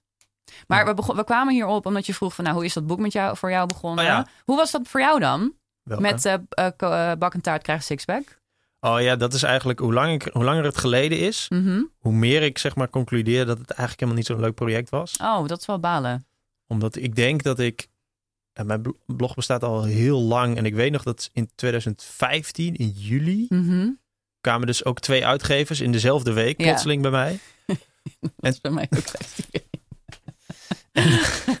Sorry. Er was net een high five, de mensen kunnen Ja, niet horen. nou sorry, het was high five. Ja. Ehm, en, eh, maar toen was het eigen, had ik eigenlijk al dat onderwerp al een beetje eh, gedag gezegd of zo. Het was Uitgespeeld een- op je blog misschien? Ja, het was net, net niet meer. Mm. Net het halve jaar daarvoor zat er echt een piek op mijn blog. Dat het echt, toen Ja. ging het echt sick. Dat ik ook op straat herkend werd door Mhm. mensen en dingen. En eh, dat ze gewoon me toe kwamen. Oh, ik lees je blog, vet tof. Ja. Ik dacht, wow, dit is echt cool. Mhm. En ja, toen een half jaar later kwam die, die eh, boekdeal die pas Ja. echt daar weer een half jaar later afgerond werd. Mhm. En ja, ik kan niet zo goed eh, in een project werken waarin eh, mensen zich bemoeien met wat ik schrijf, zeg maar. Mhm. Ehm, dus daar, ja, daarom ging het dus niet zo goed. Oh, en het resultaat was ook niet zoals ik het had verwacht. En de uitvoering met gekke kleuren Ja. ook niet tof. Best wel veel reacties van mensen die zeiden van ja, ik kan dit echt niet lezen. Toen dacht ik, ja, je, Oh, hebt- echt? je hebt Oké. ook gelijk. Ja. Ja, oh, dat is wel kut. Ja. Ja, dus Maar aan de andere kant ook wel fijn als je, want het is ook wel fijn als je het er dan wel gewoon mee eens bent, zeg maar. Van- ja, dat klopt. Ja, Ja. Alleen het is best wel zonde. hè. want Dat het is wel jou, het is wel iets van jou, zeg het maar. eerste dat boek. En ik, maakt. en ik was ook zo, zo bang. eh, en dat heb ik nog steeds met alles wat ik Mhm. druk, print. de- is dat hey, je schrijft iets op en daarna zet je een punt erachter. Ja. En dit is wat je inlevert aan iedereen. Klopt, ja. Dus dat is wat ook nog al nu nog jaren blijft staan Ja. eh, in die boekenkast. Ja. En Het is heel definitief. Ja, en ik heb in dat boek, ik lees het wel eens terug en dan staan best wel dingen in. En denk ik van ja, ik zou het nooit meer zo zeggen. En je kunt het best wel gek opvatten. Je moet het soort van zien als een soort tijdscapsule. Ja. Van hoe je toen was, hoe je dingen toen deed en hoe je toen. Dat is het leukste wat je toen kon doen. Ja. En natuurlijk ben je nu veel awesomer dan dat je toen was. Maar het is een tijdscapsule. Ja, en, ja. maar goed, dat. eh, nou goed, deadlines ook door iemand anders Mhm. gesteld. En ik dacht, ja, ik heb hier ook helemaal geen zin in. Dus ik had helemaal geen Mm. motivatie Oh, daarvoor. ja, ja, ja. Ik had laatst trouwens met Thuisblijven duurde. Ik had de eerste versie natuurlijk zelf uitgegeven. En toen de tweede druk dacht ik... Nou ja, als ik een distributeur kan vinden die het ook in Ja. boekhandels kan gooien. ja, dat is natuurlijk wat dat zou een goede deal ja. zijn. Nou, gepraat met, met een uitgever. Die wilde ook heel graag eh, de tweede druk doen. Ja, Alleen de deal die ze voorstelde, daar kon ik me niet in vinden. Dus dat Mhm. werd hem niet. jammer. Hm. En bovendien kwamen ze ook met een lijst met twintig dingen. De schuttingtaal moet uit je boek. De cover moet, moet anders. Dit moet anders, dat moet anders, dat moet anders. Toen dacht ik, oh, maar wacht even. Ja. Ja. Toen dacht ik, jullie hebben er verstand van. Ja. Dus jullie hebben ongetwijfeld gelijk. En toch vind ik het kut. Maar het is ga nog, ik niet doen. toch nog steeds, is dit Ja. helemaal mijn project. Jullie komen en zeggen, oké, we willen zoveel procent van de opbrengst. En je moet dit allemaal aanpassen. Maar dat is ook wel interessant, hè? als je dan dus zoiets gaat doen, hoe, hoe je erachter komt, hoe intens territoriaal je dus bent over je eigen shit. Ja, ja, ja. Zeg maar. Ja. Ik ben echt, eh, en dat heb ik later heb ik dat ook nog wel een keer, een keer gemerkt bij als ze me dan ergens vervroegen wat ik dan moest doen. En dat moest dan volgens bepaalde richtlijnen. Ik, wil, ik ben best heel eigenwijs eigenlijk. En voor mij was het wel heel fijn dat ehm, ik had een hele goede hoofdredacteur, Willemijn van Nieuw Amsterdam, en een hele goede redacteur. En het was afschuwelijk om te moeten lezen wat zij allemaal vonden van mijn boek. Was, of nou ja, van Willemijn niet. Want Willemijn, die, volgens mij dacht hij gewoon... oké, ik moet Lianne gewoon eerst helemaal soort van aaien... en dan kan ik tegen haar zeggen wat, wat, wat er anders moet. Ehm, maar die, eh, ik weet nog wel dat de eerste keer dat ik dus haar... dat ik de redactie ging lezen en mijn boek moest redigeren... dat ik gewoon onder elke comment die ze deed... ging ik gewoon een snarkje opmerking typen... en dan deed ik eigenlijk daarna precies wat ze zei... want ze had gewoon gelijk. Ja. Want later, ik heb een paar dingen die ze zei, heb niet gedaan. Ik heb bijna alles gedaan. En mijn boek is er echt wel beter door geworden. Maar ik heb één ding niet gedaan. Toen las ik later mijn boek. dacht ik, ja, godver, ze had gelijk. Ik had het echt allemaal weg moeten halen. Ja, Ja, ik, had het, ik had het dus met mijn mijn zus. Die heeft de redactie gedaan van de, Oh, nice. van de tweede Ja. druk. Die eh, heeft Nederlandse communicatie gestudeerd. Oh, werkt nu bij de. AFM als eh, Mhm. toezichthouder. Dus die dat is de HFM. AFM, Autoriteit Financiële Markten. Oh, sure. Ja. Dus zij, ik hoop dat, dat ze meeluistert en dat ik het goed zeg. Maar zij eh, stelde regels op voor verzekeraars. Ja. Hoe zij teksten moeten schrijven, zodat iedereen het snapt. Ja.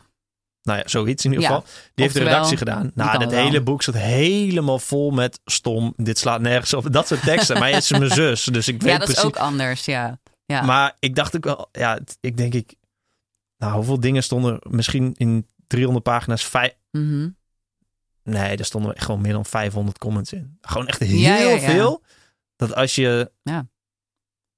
Ja, ik had wel zo gedacht van wauw, ik ben echt een failure. Ik heb gewoon alles, gewoon ook gewoon basic Nederlandse grammatica en zo. Gewoon woorden verkeerd schrijven. En, maar goed, en dat stond dan, dat werd dan eh opgeleukt door inderdaad door die teksten van stom, slaat nergens op, wat bedoel je? Ja, ja, ja, En dan- ja, ja. Haar vriend is een, eh, ja, die heeft een soort van designopleiding gedaan, heeft ook Mhm. een ontwerpbureau gehad. Die heeft de beeldredactie gedaan. Nice, ja. Want ik had de opmaak ook maar gewoon een beetje afgekeken van een ander Ja. boek. En ik dacht, Prima.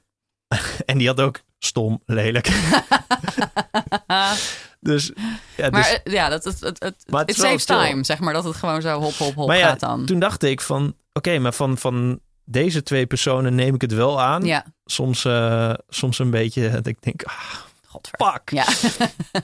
Maar van zo'n eh, van zo'n van zo'n eh, uitgever dan weer niet of zo, Nee. van die redactie. ja. Maar hoe, waar ligt dat aan? Hoe kan dat? Omdat ze dan dichter bij me staan of Ja, zo? dat helpt ze veel meer Ja. vertrouw? ja, je vertrouwt ze veel meer, je kent ze goed. Je hebt, je hebt, je hebt ook al vertrouwen in hun mening, zeg maar.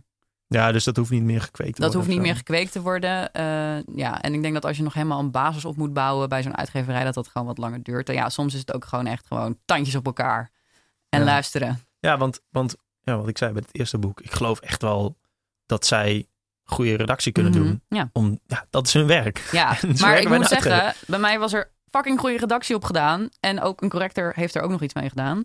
En toch fucking veel spelfouten. Ja, ik zag wel een Holy paar shit. inderdaad. Ik was echt zo depressed gewoon toen, dat, eh, toen, dat, toen, ik dat, toen ik daarachter kwam. Maar het is gewoon bizar, want je, je, je hebt het allemaal dan echt duizend keer... Ik was gewoon woordblind. Ik, ik ben echt helemaal prima met taal en ik zie meestal fouten best wel snel. Maar dit had ik zo vaak gelezen, ik zag het echt niet meer. Nee, ik, had, ik had precies hetzelfde. Dus Bij het volgende boek heb ik gezegd van dan wil ik gewoon een, een, iemand die het nog nooit gezien heeft... die vlak voordat het naar de drukker gaat het helemaal gaat lezen. ja, dat was dus mijn zus een beetje. Dat Ja, dacht, smart, ja. dit- Ja.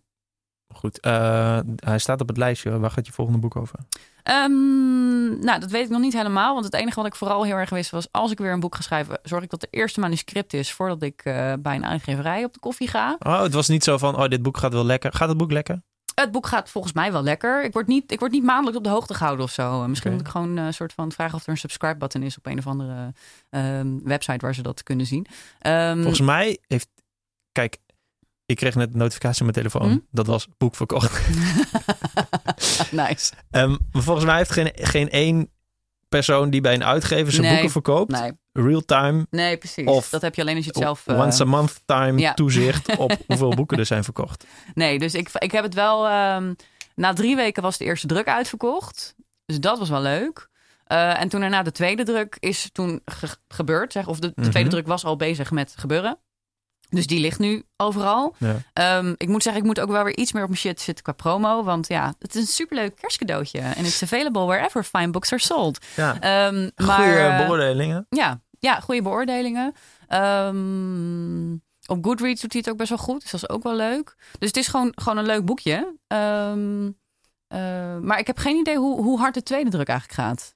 Ah, Oké, oh ja, ik heb nog een tussenvraag. Ja. Is het een boek voor vrouwen eigenlijk? Ik zag namelijk de comments op bol.com Allemaal vrouwen. of een naam waarvan ik niet een geslacht kon bepalen.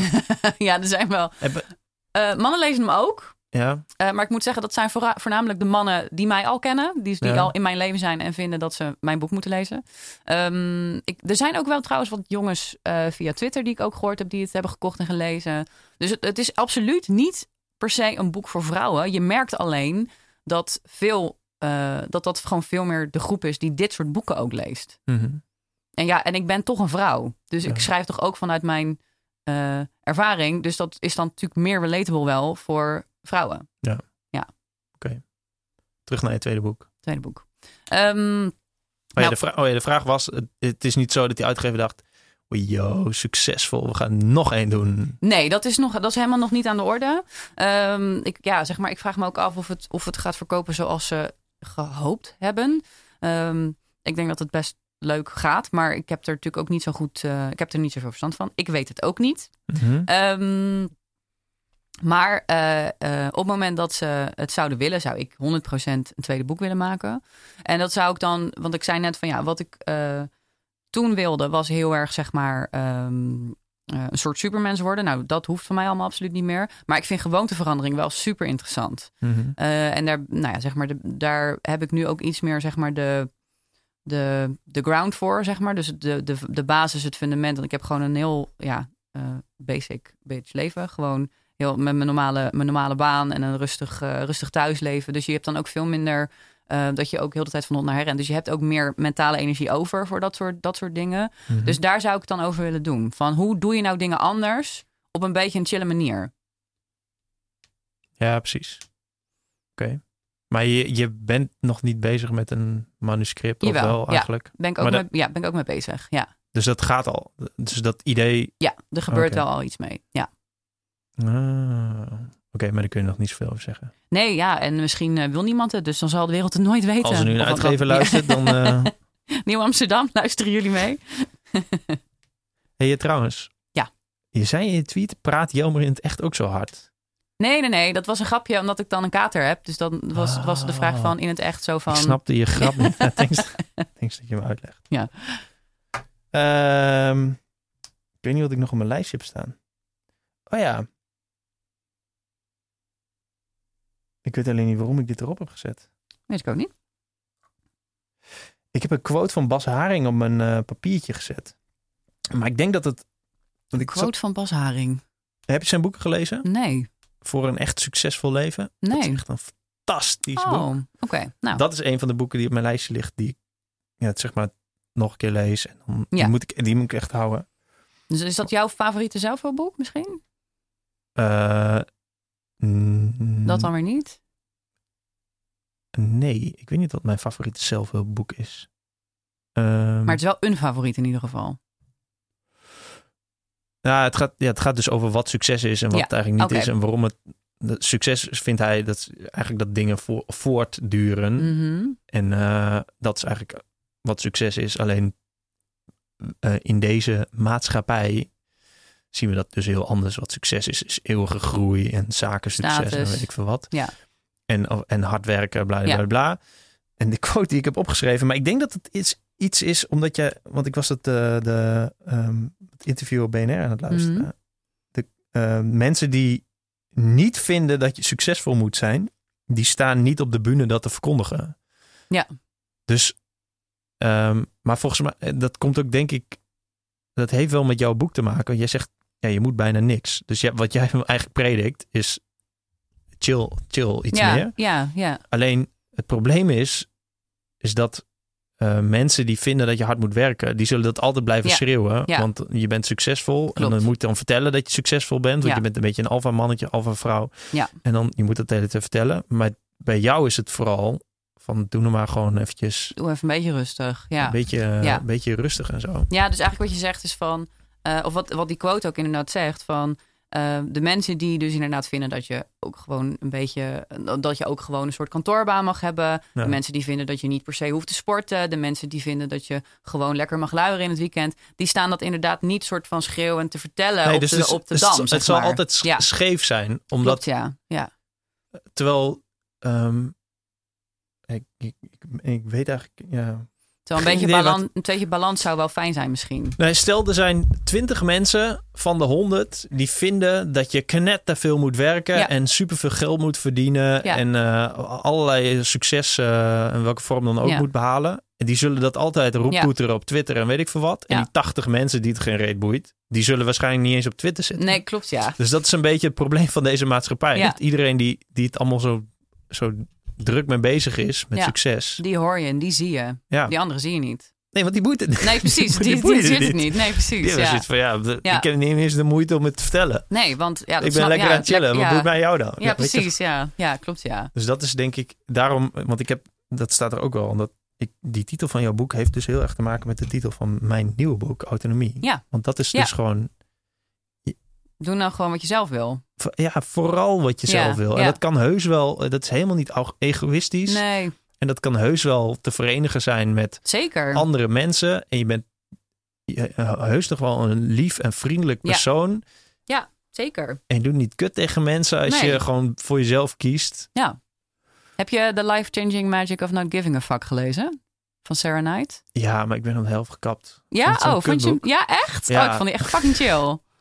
Ja, nee. Want zij heeft ook nog meer, toch? Uh, ook ja, iets heeft met, ehm, ook iets met vak. You Do You en Getting Your Shit Together heeft Ja, ze ook. die, ja. ja, ja, ja.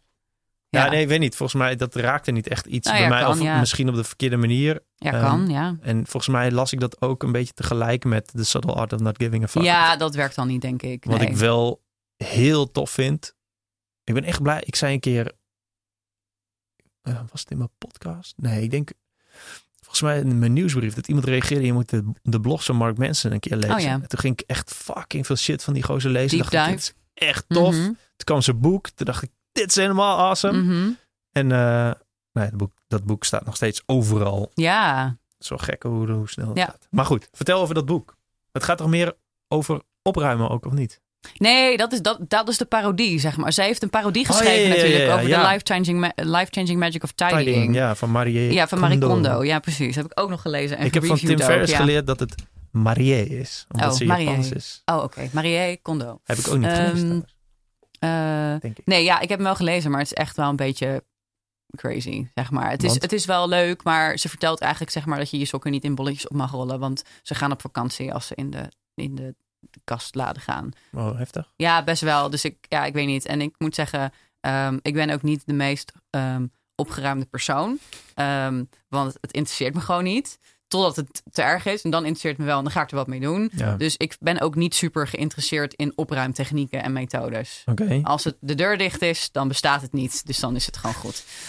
Maar het boek van Sarah Knight, The Life-Changing Magic of Not Giving a Fuck, is eigenlijk heel erg eh, gefocust op van...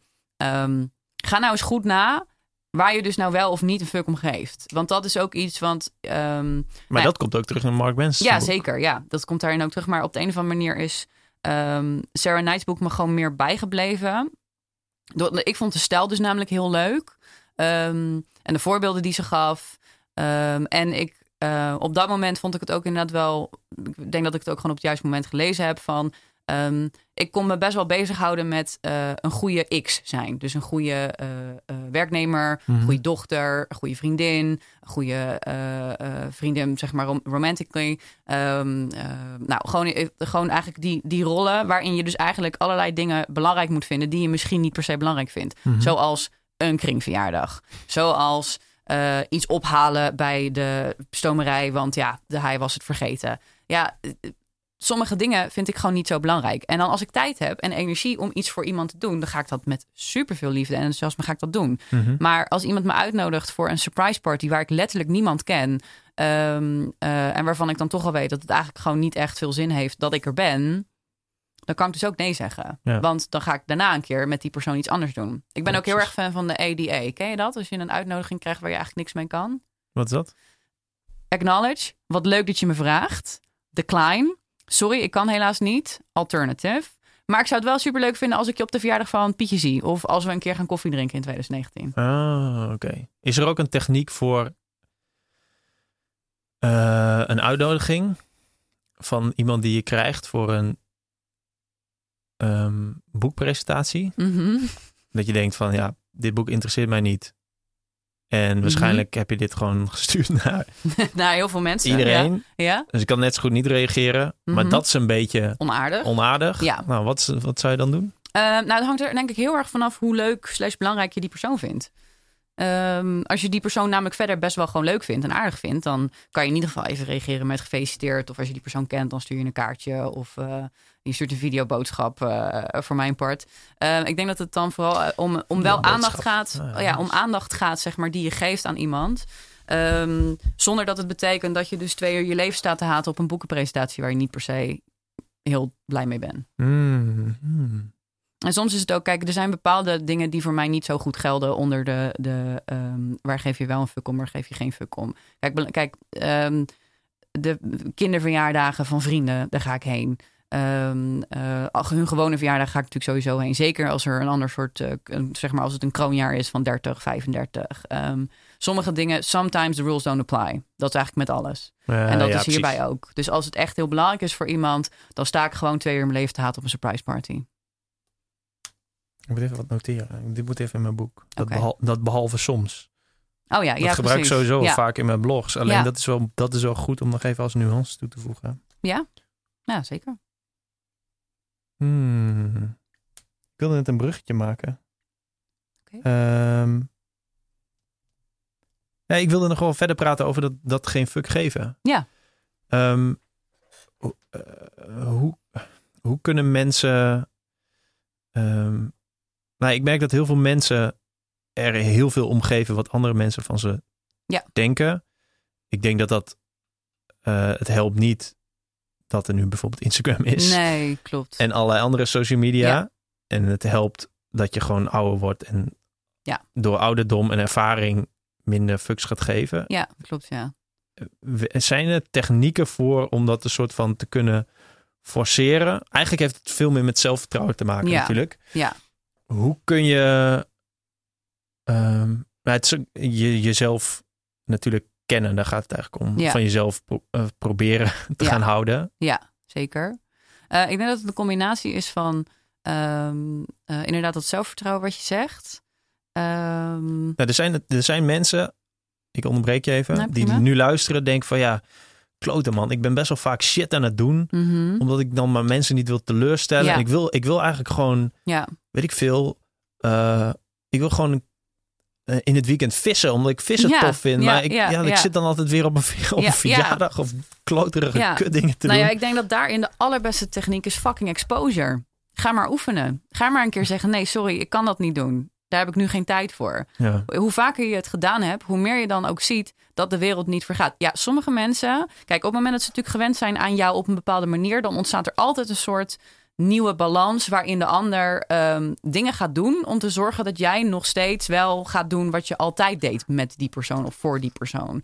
ja, Dat, precies. en dat is, in, dat is in meer of mindere mate. Want iemand die zelf ehm, nou, een beetje empathisch is en niet per se heel erg ehm, manipulatief is, die zal jouw grenzen daarin ook wel respecteren. Maar er zijn veranderingen zijn altijd moeilijk in verbindingen. Ja, het, is, mensen. het is sowieso natuurlijk dat mensen denken, huh, ja, waarom, precies. waarom ben je anders? Ja, daar gebeurt altijd even iets. Maar hoe vaak je het doet, hoe meer je dan ook inziet van. Of ze gaan inderdaad met je mee in je nieuwe zijn. In de zin, of in je nieuwe. Nou ja, de nieuwe status quo wordt oké. En dan Mhm. merk je, dan kost het ook geen moeite of spanning meer. En ehm, je leven, zeg maar, nobody dies. Niemand Mhm. gaat dood als jij een keer zegt: nee, dat kan ik nu niet doen. Of nee, daar heb ik geen tijd voor. Of ja, vind ik eigenlijk niet leuk. Mhm. Vriendin van mij zei laatst ook, we zaten toen wat te drinken. Toen zei ze ehm, van ja, weet je, sorry, eh, die grote feestjes. Nee, die grote feestjes, net alsof ik een of andere mega vis zou gooien als ik, eh, als ik jarig ben. Dat valt wel mee. Maar ehm, op mijn verjaardag zijn heel veel mensen ook eh, van de vriendengroep van mijn vriend. En dan, ik, ik, en verder, ik heb eigenlijk best wel veel losse vlodders overal. Ik heb niet, ik heb niet zo'n soort high school-achtige squad of zo. Dat heb ik niet echt. En dan zegt zij ook van ja, weet je, feestjes kosten mij sowieso heel veel energie. Eh, er zijn heel veel mensen die ik niet ken. Eh, moeilijk, of nou niet moeilijk, maar ehm, ik ga dan liever gewoon lekker met jou een hapje eten voor je verjaardag. Of samen borrelen of even iets doen. Mhm. En ik denk dan van ja, dat is prima. Zeg maar gewoon gerust nee tegen mij op het moment dat je die verjaardag stom vindt. Dan gaan we wat anders doen. Ja. Dus dat kan wel, maar het is even oefenen. Ja, aan de andere kant is het wel weer dat jij denkt, oh, iedereen tegelijk lekker efficiënt. En dan kom jij nog en dan moet jij nog eens een keer apart, zeg maar. Weet je hoeveel? Maar ook daarin is het eigenlijk weer... en dan moet eh, jij dat weer zeggen. Ja, maar eigenlijk is het ook wel weer sometimes the rules don't apply. Want ze was wel op allebei mijn boekenfeestjes. Ik had een Oh, boekenborrel je hou je, thuis. score, hou je score bij. Nee, nee, nee. Maar dat is natuurlijk zo recent dat ik dat wel gezien heb, zeg maar. Dat Ja. voor, de, voor de bijzondere dingen maakt zij daarin ook een uitzondering. Ja, maar dat is, dat is het hele behalve punt. soms. Of soms, wat was het nou? Soms Ja, behalve? nee, ja. behalve soms. Behalve soms, ja, precies. Ja. Maar dat is het hele, hele ding van vriendschap eigenlijk. Ja. Dat, dat moet natuurlijk niet transactioneel zijn. Nee, dus het, zeker dus het niet. maakt eigenlijk helemaal... Eigenlijk... Of nou ben ik trouwens niet helemaal met je eens. Ik vind wel dat er een bepaalde soort balans in moet zitten. En dat hoeft dan niet. Het is niet zo dat je ehm, hetzelfde aantal keer gewhatsappt moet hebben. Of hetzelfde aantal keer eh, een uitnodiging gestuurd moet hebben. Of hetzelfde aantal keer op moest. Dat weet je wel, dat is niet zo. Nee, maar hoe, waar, waar zit die balans dan in? De balans zit hem wel aan een bepaalde soort gelijkwaardigheid. Dat ehm, ehm, op het moment dat je eh, toch het gevoel krijgt dat je er veel meer aan moet trekken. En dat is dan dus niet op één gebied. Dat is dan op meerdere gebieden, denk ik. Mhm. Eh, dan, dan, wordt het, dan gaat er iets toch mis. Want dan, en want dan ontstaan er ook natuurlijk verwijten. Van ja, ik eh, probeer al weken met jou af te spreken. En je reageert elke keer niet. En je zegt elke keer af. Dat vind ik kut. Want dan is iemand ehm, heel veel aan het geven. eh, en die ander die geeft niet terug voor, Mhm. het, voor het gevoel. Ja, en inderdaad, dan krijg je natuurlijk ook altijd het argument van ja, maar daar vraag ik toch niet om. Nee, maar dat is wel een beetje een onderdeel natuurlijk van de interpersoonlijke relaties. Dat dat, dat, dat toch er wel in zit, zeg maar. dat je iets niet let, dat je niet letterlijk vraagt: hey, nodig mij eens uit. Dat is natuurlijk niet hetzelfde als wel dat dat er gewoon bij hoort. Nee, Ehm, dat snap ik wel. Alleen maar dan, dat betekent gewoon dat jouw waarde, een van jouw belangrijkste waarden, is gelijkwaardigheid. ja, En ja. dat zou eigenlijk, volgens mij, een soort van, dat zou voor iedereen ja, heel belangrijk ide- idea-. Idealiter zou dat zeker zo zijn. Ehm, maar eh, dus in die zin, kijk, op het moment dat ik iemand eh, zeven keer heb gevraagd of ze een hapje mee willen gaan eten en het gebeurt elke keer niet, dan denk ik, nou, ik had eigenlijk naar drie keer moeten stoppen, sowieso. Mhm. Ehm, en dan denk ik van, nou prima, want dan, dan, dan dit, het is gewoon niet op dezelfde eh, belangrijkheid. En bij de ene persoon vind ik daar ook niet zoveel van. En bij de andere persoon vind ik dat best jammer. Mhm. Weet je, dat, dat, dat, dat, dat, dat mag daarin wel. Ehm, hoe kwamen we hier nou op? Eh, verjaardagen en feestjes. Oh, ja, ja. En die Ja. vriendin, nee, ik zei, want die vriendin die zei tegen jou van ja, dat, ik wil het eigenlijk niet. Ik wil gewoon zelf met jou iets doen. En Ja. dat is gewoon, Oh ja, eigenlijk kwam- zou ze ja. zich, zich daar niet druk om moeten maken. Ik weet niet of ze dat deed hoor, maar eigenlijk Nee, zou het nee, gewoon gezegd moeten kunnen Ja, ja, ja, worden. zeker. Dat was ook zo. Het is vet tof man, als mensen gewoon lekker zich, zichzelf zijn. Ja. En dan, dat is echt, Ja, dat is echt, eh, want dan weet je ook dat je echt, echt connect, zeg maar. ja, maar ik vind het ook mooi om dat bijvoorbeeld bij mijn vrienden te zien. Van als iemand gewoon echt, echt zichzelf is. Mhm. Dat je denkt van ja, ik, ik herken jou omdat Ja. jij bent jij, jij ja, ja, zeg maar. Het is geen toneelstuk of zo. Nee, inderdaad. Oh dit, dus dat is, wel, dat is wel tof. En dat, dan kan lompheid, ja. Kan dat wel als lompheid ervaren worden, maar te- tegelijkertijd ook wel weer iets moois zijn of zo. Ja, ik denk dat inderdaad toch, ja, dat, is- dat is natuurlijk een beetje een kotswoord, want het wordt tegenwoordig overal voorgezet. Authentieke chips, authentiek bereide barbecue saus, weet ik veel wat. Maar het is toch inderdaad, als iemand authentiek is, eh, dan is het gewoon... Ja, maar wat op, ja, we kunnen wel even tussendoor. Ja. Wat op chips staat, slaat natuurlijk nergens op. Nee. Dat is, Authentiek gemaakt in de, in de fabriek, toch? Ja, dat is natuurlijk niet eh, aan de orde. Nee, maar dat is dan, als het echt voelt... Ehm, ik heb ehm, een tijdje maar het is, het is verschil tussen authentiek, authenticiteit Mhm. en integriteit. In- Integriteit Ja, ja, is dat je, zeg maar, je, eh, je bent eigenlijk altijd hetzelfde. Je hebt nooit een masker op. Authenticiteit is zijn wie je bent. En wat ik bedoel is eigenlijk integer zijn. Een Ja, soort van, ik weet wat ik aan, aan een persoon heb. Ik ken, kijk, mijn vrienden, ik ken de meeste... ehm, nou, ik ken ze ongeveer tussen de 15 en 20 jaar, mijn beste vrienden. Ja, Tja, ik weet gewoon wie deze Ja. gasten zijn. Ja. Dus dan, het zal ook, daarom is de vriendschap ook zo goed. Ja, het zal nooit, als iemand opeens een toneelstuk gaat spelen, dat zou echt heel grappig Ja, zijn. Maar dan zou de maar rest ook nee. zeggen van, dude, doe normaal. fuck ja. ben doen? Ja. ja, Wie, who you're trying to impress? What's going on? Ja, wat ja. ben je nou aan het doen? Ja. dus ja, in, in principe, ehm, ja, dat vind ik heel erg mooi. Daar ben ik heel Ja. erg blij mee, zeg maar. Ja, dat, zijn- zo. Hele authentieke mensen die Ja. ook integer zijn, Ja, precies. Ja, die combinatie is Denk- natuurlijk het mooiste. denk ik. Ja. Ja. Zeker. Ja. ja, ik vind het eigenlijk ook wel moeilijk, man. Soms Ja. conflicten eigenlijk. Ja, Ja. ik ga dat graag uit de, ja uit als, de weg, als het kan, zeg dan... maar. eh, ja, precies. Ja. En want Ja. me- ja, nou ja, het ligt een beetje aan wat voor soort conflict eigenlijk. Ja, van sommige dingen ben ik echt helemaal niet bang. Dat ga ik gewoon in één keer wel aan. Maar er zijn gewoon andere situaties dat ik... Omdat wat ik ook heel erg doe, ik weet niet of jij het hebt... dat ik ga toch altijd mezelf... Ik, ik wil eigenlijk eerst weten of het echt niet aan mij ligt. En daar kom je natuurlijk nooit helemaal achter. Eh, want natuurlijk ligt het ook voor een stukje aan jou. Maar dat betekent niet dat de ander niet echt een shit, shithead aan het zijn is. Ja, maar dat is, dat is met alles toch? Je, kijk, je kunt vol overtuigd van jezelf zijn en dan alsnog denken van, hè, maar ja. ben ik nou echt... Misschien ben ik wel Ja, idiot hier. ja, ja, precies. Ja. En daar ben ik dan toch soms zo bang voor dat ik dan toch nog maar even wacht met dat gesprek. Omdat ik dan toch. Ja, ik weet niet. Dat wil ik dan toch voor mezelf blijkbaar nog drie keer dubbel checken. Ja. Ehm, terwijl dat, dat leer ik dus nu wel steeds beter. Om gewoon eh, te zeggen van nou, hè, dat gebeurde. Dat gaf mij het. Weet je wel, wij hebben natuurlijk ook allemaal van die leuke eh, vanuit jezelf spreken. En vanuit het gevoel. En eh, nou, allemaal dat soort dingen. Ehm, maar juist door dat ook te leren, kan je dat ook meer loslaten. En soms zeg ik gewoon van ja, dat deed jij. En dat was stom. Punt. En dat werkt dan ook wel. Maar je bedoelt tegen collega's of gewoon tegen iedereen? Iedereen. Maar ik ben, weet je wel, ik ben natuurlijk niet tegen iedereen bikkelhard. Ja, maar ik weet... het- Ja, kijk. Je bent pas hard tegen iemand.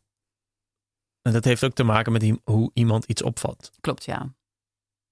Ja, want ik bedoel het niet zo, zeg maar, ik, ik kom Dan- soms best wel hard over, terwijl ik dat eigenlijk niet zo Ja, bedoel. maar dan we Ja. terug naar, weet ik veel, ja, we zijn nu anderhalf uur aan het praten Oh. bijna. En eh, na een uur geleden is dat, kijk, ik ben ook heel graag direct. Hmm. Want ik gewoon iemand zijn mening of Ja. wat hij wat hij uit betwist. Ja.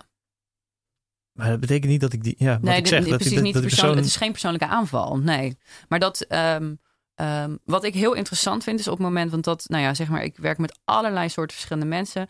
En wat je merkt is dat zodra je kritiek geeft of het niet met iemand eens bent, mensen vervallen in een soort van eh coping of een, ze doen een dingetje om het zo. ehm, eh, om het zo comfortabel, zo comfortabel mogelijk te laten verlopen. Mhm. Ehm, en dat is in sommige gevallen is dat gewoon, eh, ik ga helemaal zo gelijk ingedoken en paniek eh, van, oh wat erg dat jij dat vindt. En ik ga meteen heel erg dat naar me toe trekken, zodat jij vervolgens dan gaat aaien van, oh nee, maar zo erg is nou ook weer niet. Mhm. Weet je wel. Mensen gaan en andere mensen gaan juist vol er tegenin. Die gaan meteen heel defensief, omdat dat ego dan meteen er bovenop.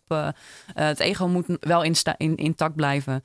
Ehm, en dat vind ik best wel leuk om dat te merken hoe je hoe mensen reageren, zeg maar. Mensen zijn niet zo goed in staat om echt die, eh, die rust te pakken en echt eerst echt goed te luisteren. Mm, nee. Dat is Nee, leuk. Weet niet. Ja. En sowieso rust pakken. Is Ja. goed.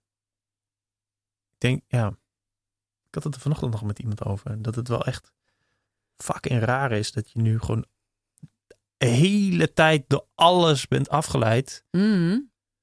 Dat gewoon, ja, ik weet niet. Ik verveel me eigenlijk eh, nooit. Ja, ik probeer het soms te forceren. Ja. Ik denk, ik ga nu niks doen, ga nu niks, ga nu niks doen, ga nu niks doen. Ik hoop dat ik me verveel. Ken je het eh, zelfhulpboek Een pleidooi voor verveling? Nee, Oké, nou die is wel leuk. door. Eh, een hele moeilijke naam. Of nou, het was al mee, Manouche something.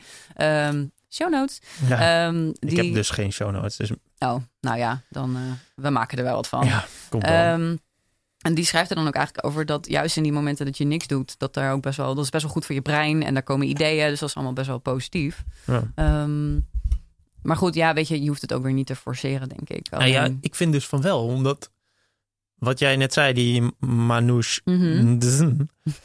Something. ja, Ehm, en DZ heb ik nu in mijn hoofd. Maar eh, ja, Dat- mee, volgens mij. Nou goed, hm, het, is, het is echt heel chill om jezelf die aandacht te geven in plaats van iets anders. Instagram.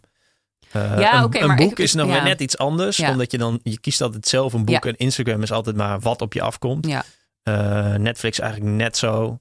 Hoewel je dat ook wel een beetje, kiest. eh. YouTube is ook wel een beetje Eh. eh, tussenin. Mm, ja, Alleen, alleen met je gedachten, dan, gaat het dus, dan ga je dus eigenlijk je hoofd in. Daarom Ja. vind ik dus, eh, ik hoorde jou floten noemen bij BNR. Floten, eh, yoga, meditatie, hardlopen, onder douche staan, vind ik eigenlijk allemaal hetzelfde. je hebt daar nooit afleiding. Nee, dat En klopt. het- ik, ja, ik ben geen neuroloog, ik ben geen psycholoog, maar volgens mij komen daar altijd een beetje dezelfde processen op gang in je ja, hoofd. nee, dat klopt. Zeg maar, als je langere tijd niet, eh, niet je kunt Iets consumeert. nou, iets consumeert inderdaad. Hm. Dan gebeurt er, in ieder geval bij mij, gebeurt er Ja. altijd hetzelfde. Mhm. En dan krijg ik ook een soort van, ik weet niet hoe het in het Nederlands heet, maar zo'n blissful Ja. gevoel. Ja, ja, ja. Ik denk, ah, dit is eigenlijk heel erg chill. Waarom doe ik dit niet vaak? Ja, precies. Altijd. Ja. Ook altijd met mediteren heb ik dat altijd. Denk, oh ja, gozer. Het is weer drie weken geleden dat je dit gedaan hebt. Je vindt het fucking chill. En waarschijnlijk ga je het morgen weer niet doen. Nee, en dan klopt altijd. Toch in de waan van de dag ga je dan toch gewoon weer door en door en door. Hè? En ik, ik, ik probeer dus nog, misschien heb je daar ook wel in Mhm. zelfhulp, nou ja, wat je net zei, misschien zelfhulpboek voor, is dat ik probeer dus altijd op zoek te gaan naar een soort heuristiek of een manier Mhm. dat ik dat altijd opzoek. Ja. Maar het is zo kut, omdat het altijd afleiding is. Ja, dus kan, het is nooit een haakje waar ik kan ophangen niks Ja, doen. Nee. Want Ja. snap je? ja, ik snap wat je bedoelt. Ik, ik, ehm, Help mij. Ja. ik ben zelf nooit per se heel erg op zoek op... eh, eh, ik ben niet zozeer op zoek naar verveling. Maar wel naar één ding tegelijk doen. Ja, focus. Ehm, Focus. En ehm, mijn telefoon, ik ben zo blij dat het ding bestaat, maar het, het weg, weg ermee. En wat ik dus eigenlijk veel doe, als ik thuis kom, doe ik hem in een laadje van mijn bureau in mijn werkkamer. Oh ja. Ehm, en dat, dat, het helpt zo erg om dat ding niet in de buurt te hebben. En dat, dat, zeg maar, dat is wel. Kijk, het is. Ehm, je telefoon is ongeveer net zo verslavend als X en Y. En we hoeven niet weer heel dat ding, niet heel dat, dat ik dotje van, oh, laten we allemaal een Nokia gaan gebruiken. Want dat Mhm. is, eh, en dan gaan we er allemaal NRC-artikelen over schrijven. Want hip, hoi. Dat weet je al, we've been there. Hoeveel, We know. hoeveel zullen er zijn? Nou, ja, goed. echt een hoop. Volgens mij zijn er ook al net zoveel mensen die erover Over zeiken. zeiken. Ja, klopt. dat er artikelen zijn. Circle of life. Ja. Ja. dat is wel ook echt the ways of the internet. Misschien zijn Ehm. wel, wij wel de derde podcast die het heeft over... Nou, anyway. ja, precies. Maar ehm, wat dan wel, wat in ieder geval voor mij helpt, is dus inderdaad eh, het echt wegleggen. Ehm, eh, en dat is voor mij zeg maar het haakje aan niet, meer, niet, niet s'avonds op mijn telefoon zitten. Of in ieder geval zo min mogelijk s'avonds op mijn telefoon zitten. En dan komt het alsnog voor dat ik er naartoe loop en er iets mee doe. Kijk, er zijn heel veel, weet je je hebt natuurlijk nu ook op je, sorry, je hebt nu ook op je eh, telefoon dat ehm, downtime. Ja. ja. ja. Dat slaat helemaal nergens op. Je krijgt een wit schermpje en er staat, oh, your, ik zie, your limit of the day is here. En dan kan je gewoon klikken en dan zeg je ignore limit for 15 minutes of ignore limit eh, today. Ja, Ja, ik, bij ik- mij, ik voel daar niks van hoor. Nou, ik vind het in de kern is, slaat het natuurlijk nergens op dat het probleem is telefoongebruik. Ja. Dan moet de telefoon dat probleem niet oplossen. Nee, Daarom nee, vind ja. ik dus meditatie-apps ook eigenlijk raar. Want ik word dus anxious van telefoongebruik. Gebruik ik een app om te mediteren? Eigenlijk klopt dat niet. Aan de andere kant zou je ook wel kunnen zeggen dat het juist dingen wel weer wat meer in balans brengt. Doordat je telefoon dus ook wel je die blissful Ja, dat is wel goed. geeft. Ja. Zeg maar dat het wel wat meer een soort van, ja. Alleen, ja, Maar het weegt nog niet op. ja het, is, het is nog steeds dat je je telefoon opent en dan iets nog- anders ja, ziet. en dan denk je, ja. oh ja, kan eigenlijk Ja, wel... maar heb jij je notificaties aan of uit? Nee, allemaal uit, behalve ticketdeals en Je boek boek, verkopen. Nou ja, Ja. een van de dingen die ik, net zoals jij ook moet, is eh, eh, geld verdienen. Anders Ja, mijn tuurlijk. huur niet betalen. Tuurlijk, En het enige wat ik doe, mensen kopen mijn boek, please, Ja. is boeken verkopen, is boeken schrijven. Dat is wat ik, nou ja, en podcast maken. Maar in die end wil ik boeken, eh, wil ik schrijver worden. ja, Of dat ben je al. eigenlijk zijn en blijven. Ja. Eh, dus ja, dat zijn voor mij de belangrijkste dingen Ja, in dit ja. geval. Ja, Ticket, ticketdeals en eh boek verkopen. Maar ja. Nee, inderdaad, die heb ik uit. En, en heel vaak... ik hoef ochtends niet zoveel, dus ik neem hem ook niet eh, Nee. mee de slaapkamer in. En Nee. ik heb hem ook wel weg. Gisteravond, dat is een dom voorbeeld, ehm, was ik, heb ik dus mijn telefoon ook ergens liggen. mhm. En dan zit ik een beetje op de bank. Denk, ah, ik ga het een beetje, ga me een beetje vervelen. Ik ga Ja. een beetje nadenken. Denk, Ja. hey, heb ik zo'n kaartspelletje, ka- vlaggen van de wereld. Dacht ik, oh, Oh, ja. ja. dat heb ik al lang niet geoefend. Want Oh, ik wil ja. natuurlijk alle vlaggen van de wereld weten. mhm. Dus ik dus gisteravond volop te studeren op die vlaggen. Ah, Bahama's. Micronesië, weet je wel. Ja, ja, ja. Toen dacht ik, nou, ik weet niet of dit dan weer goed is. Maar ja, en dan, nou, aan de andere Maar kant. sowieso is afwisseling van activiteiten sowieso goed voor je brein en voor jezelf. Ja, en shit leren natuurlijk ook. Ja, ook zeker. En, en ja. ik koos het ook wel zelf. Dus in principe is het niet zulke afleiding als... Kijk, ik, volgens mij is dat, vind ik, dat, ik vind dat het grootste verschil. Ja. Zeg maar, zelf kiezen. Daarom vind ik, is boeken lezen ja, ook echt... zeker. ik kan zo, soms zo echt gelukkig zijn dat ik een boek lees. Denk, ja, Ja. dit is echt nice. Ja. In tegenstelling tot iets openen en dan Ja. maar kijken wat er komt. 70 ways to cut your avocado. The 16 way will surprise you. Ja. Ja, ja. ja. En iedere keer denk je, oh, dat is eigenlijk best wel interessant. maar dat is wel, en dat, dat is ook, eh, ik, ik probeer ook geen tijdslijn scroller te zijn. Want ik vind het veel leuker om ja, content te maken dan om te consumeren. Ja, Dus ik vind het veel leuker om een domme foto online te zetten of een grapje op Twitter, dan dat ik het vind om andermans dingen te zien of te lezen. En dat vind ik soms ook wel leuk. Mhm. Maar wel de, ja, zeg maar, ik zal altijd een voorkeur hebben voor het zelf doen. ja vind ik Eh, ook. Alleen, ik, ja, ik vind het echt moeilijk om dat... eh, Dat is ook super moeilijk, want daar is het voor gemaakt. Ja, Daar is het exact voor gemaakt, ja. Ja. ja. En dat is ook wel, het blijft een uphill battle, gewoon. Met social media, wat dat betreft. ja, het wordt alleen maar erger. Maar Ja. ja, ehm, mm, ja wat ik zei is dat, dat inderdaad... Dat, eh, ik heb dat, ook dat moment dat laat zien hoe lang je op je telefoon zit. Heb ik wel wat aan gehad. Omdat ja, je dat heb echt best wel een tijdje gebruikt. Ik heb daar toen wat, wat dingen ook van jou over gezien op Twitter of op je, op je blog. Ja, want soms dacht ik van oké, ik, ik, ik stel gewoon dat doel van max twee, Ja. twee uur. En Ja. soms was het één uur. Ja. Maar weet je dat het, dat volgens mij werkt dat alleen maar als je er dan echt bewust mee bezig bent. Van, oh ja, shit, ik zit er nu weer op, ik moet er nu weer af. Ja, en want dus- als je gewoon ja. normaal gesproken doet wat je doet, dan heb je op een gegeven moment ping, het is nu twee uur. En dan denk je, ja, maar ik, ik moet nog even dit doen. Of Ja. ik moet nog even dat doen. Nou, Dus mijn dan- re- mijn ja. regel was dus op een gegeven moment had ik, en ik weet niet hoe ik het geforceerd had, maar iedere keer als ik mijn telefoon pakte, en ik, dat heb ik Mhm. nu helemaal niet meer trouwens, Mhm. dus het is niet lang volgehouden. dat Ik dacht, wat ga je nu doen? Ja, ja, En Ja. heel vaak was dat namelijk niks. gedaan. Ja, ja.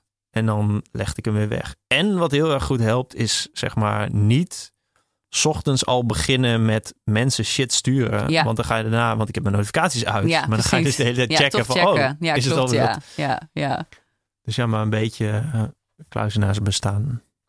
dat is ook gezond. Ah, het is echt, ja, ik vind het echt lastig. Maar goed, wel leuk om over te hebben. Ja. Eh, ja.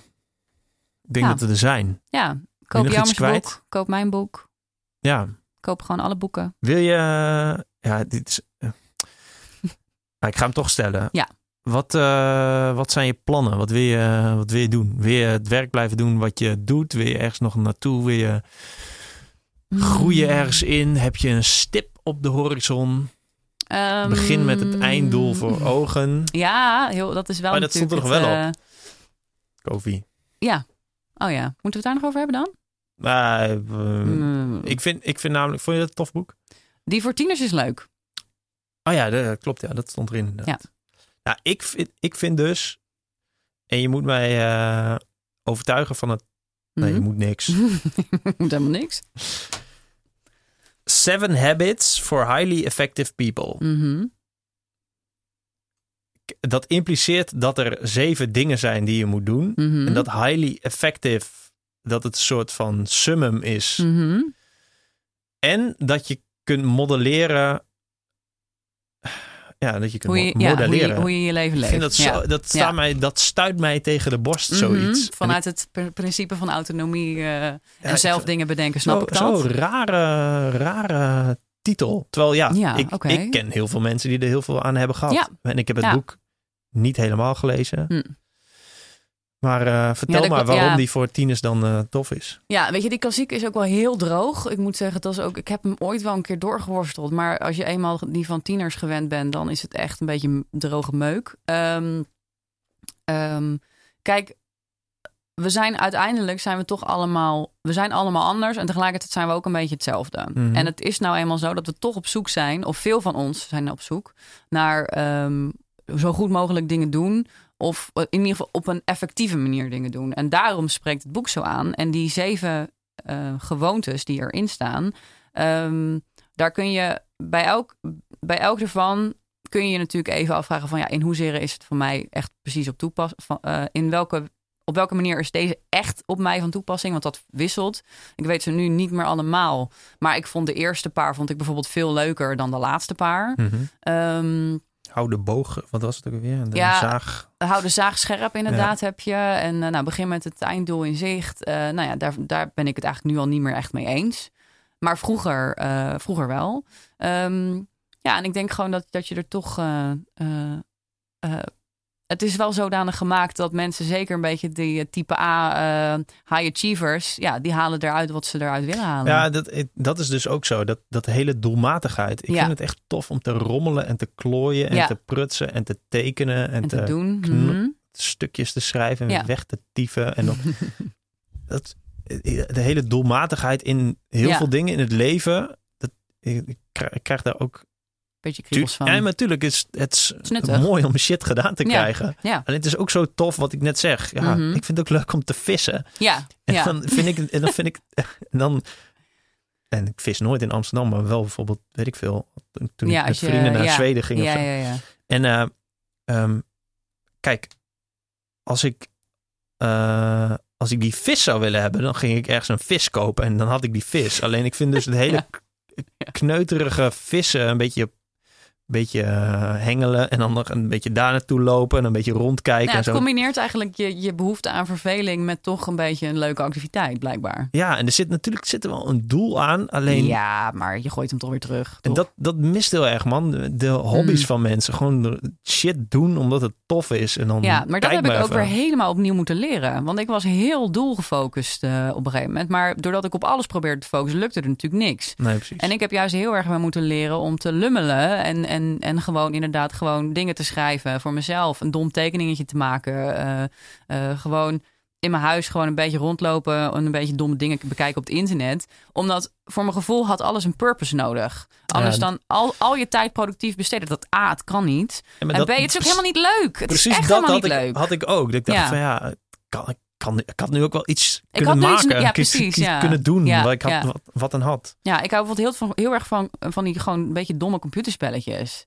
Nou, precies. Ja, precies maar dat, ja. daar, daar, daar had ik dan echt een soort schuldgevoel over uh, toen de tijd. Van ja, ik had nu ook kunnen schrijven. Ja. Dan komt dat boek nooit af. Zo wordt Ja. het nooit wat met jou. Weet je zo. Ja. Dus dat, eh, terwijl dat is juist een heel belangrijk onderdeel van het opladen. Waardoor je die andere tijd, als je een doel wil en een doel hebt, dan kun je daar dan aan werken.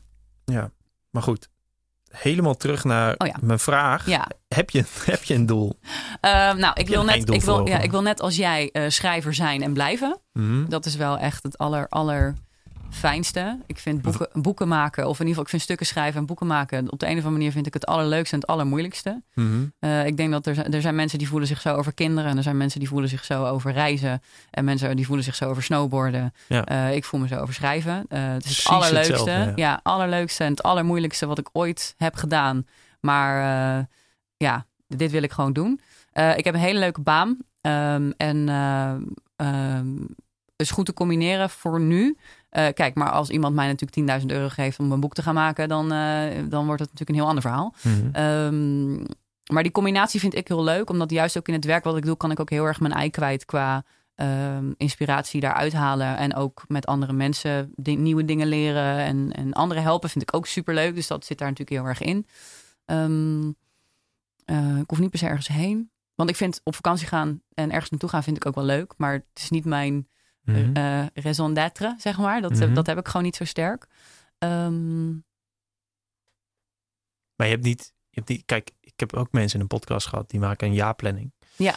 En dat, ik snap dat mensen dat doen. Ja. Maar ja, je kunt ook aan de andere kant van het spectrum zitten. En kijk Ja. even, bijvoorbeeld ik, uh, ja. Guy de Roog, die ik eh, Mhm. ook wel eens in de podcast heb gehad. Ja. Die zei, ja, weet ik veel wat ik over twee jaar doe. En Rick. Pastoor, die een boek, boek eh, Grip heeft geschreven. ja, Ja. ja. die maakt een jaarplanning en skypt iedere week met een vriend over zijn doelen. Oh ja, ja. Dus gewoon twee... Kijk, het een is niet beter dan het ander. Nee, maar waar zit jij ongeveer op dat... eh, Ja, heel, is eigenlijk heel erg, maar ik doe allebei. Ik, ik vind het leuk om dus een beetje aan een planning te vreubelen. Ja. Want dan heb ik gewoon een beetje een bazaal idee van hoe in een ideale wereld het zou gaan. Mhm. Uh, maar de wereld is niet ideaal. En ik ben soms moe of zagrijnig. Of uh, ik moet uh, met mijn oma naar het oogziekenhuis omdat ze heeft last van de, de staar. Weet je, dat, dat soms dan komen er gewoon dingen die zitten in de weg. Dus ik maak een planning, ongeveer. Mhm. Um, en ik kijk af en toe kijk ik daar eens naar van, oh, hoe zit dat? Ik vind bijvoorbeeld heel, ik vind het echt heel fijn te sporten.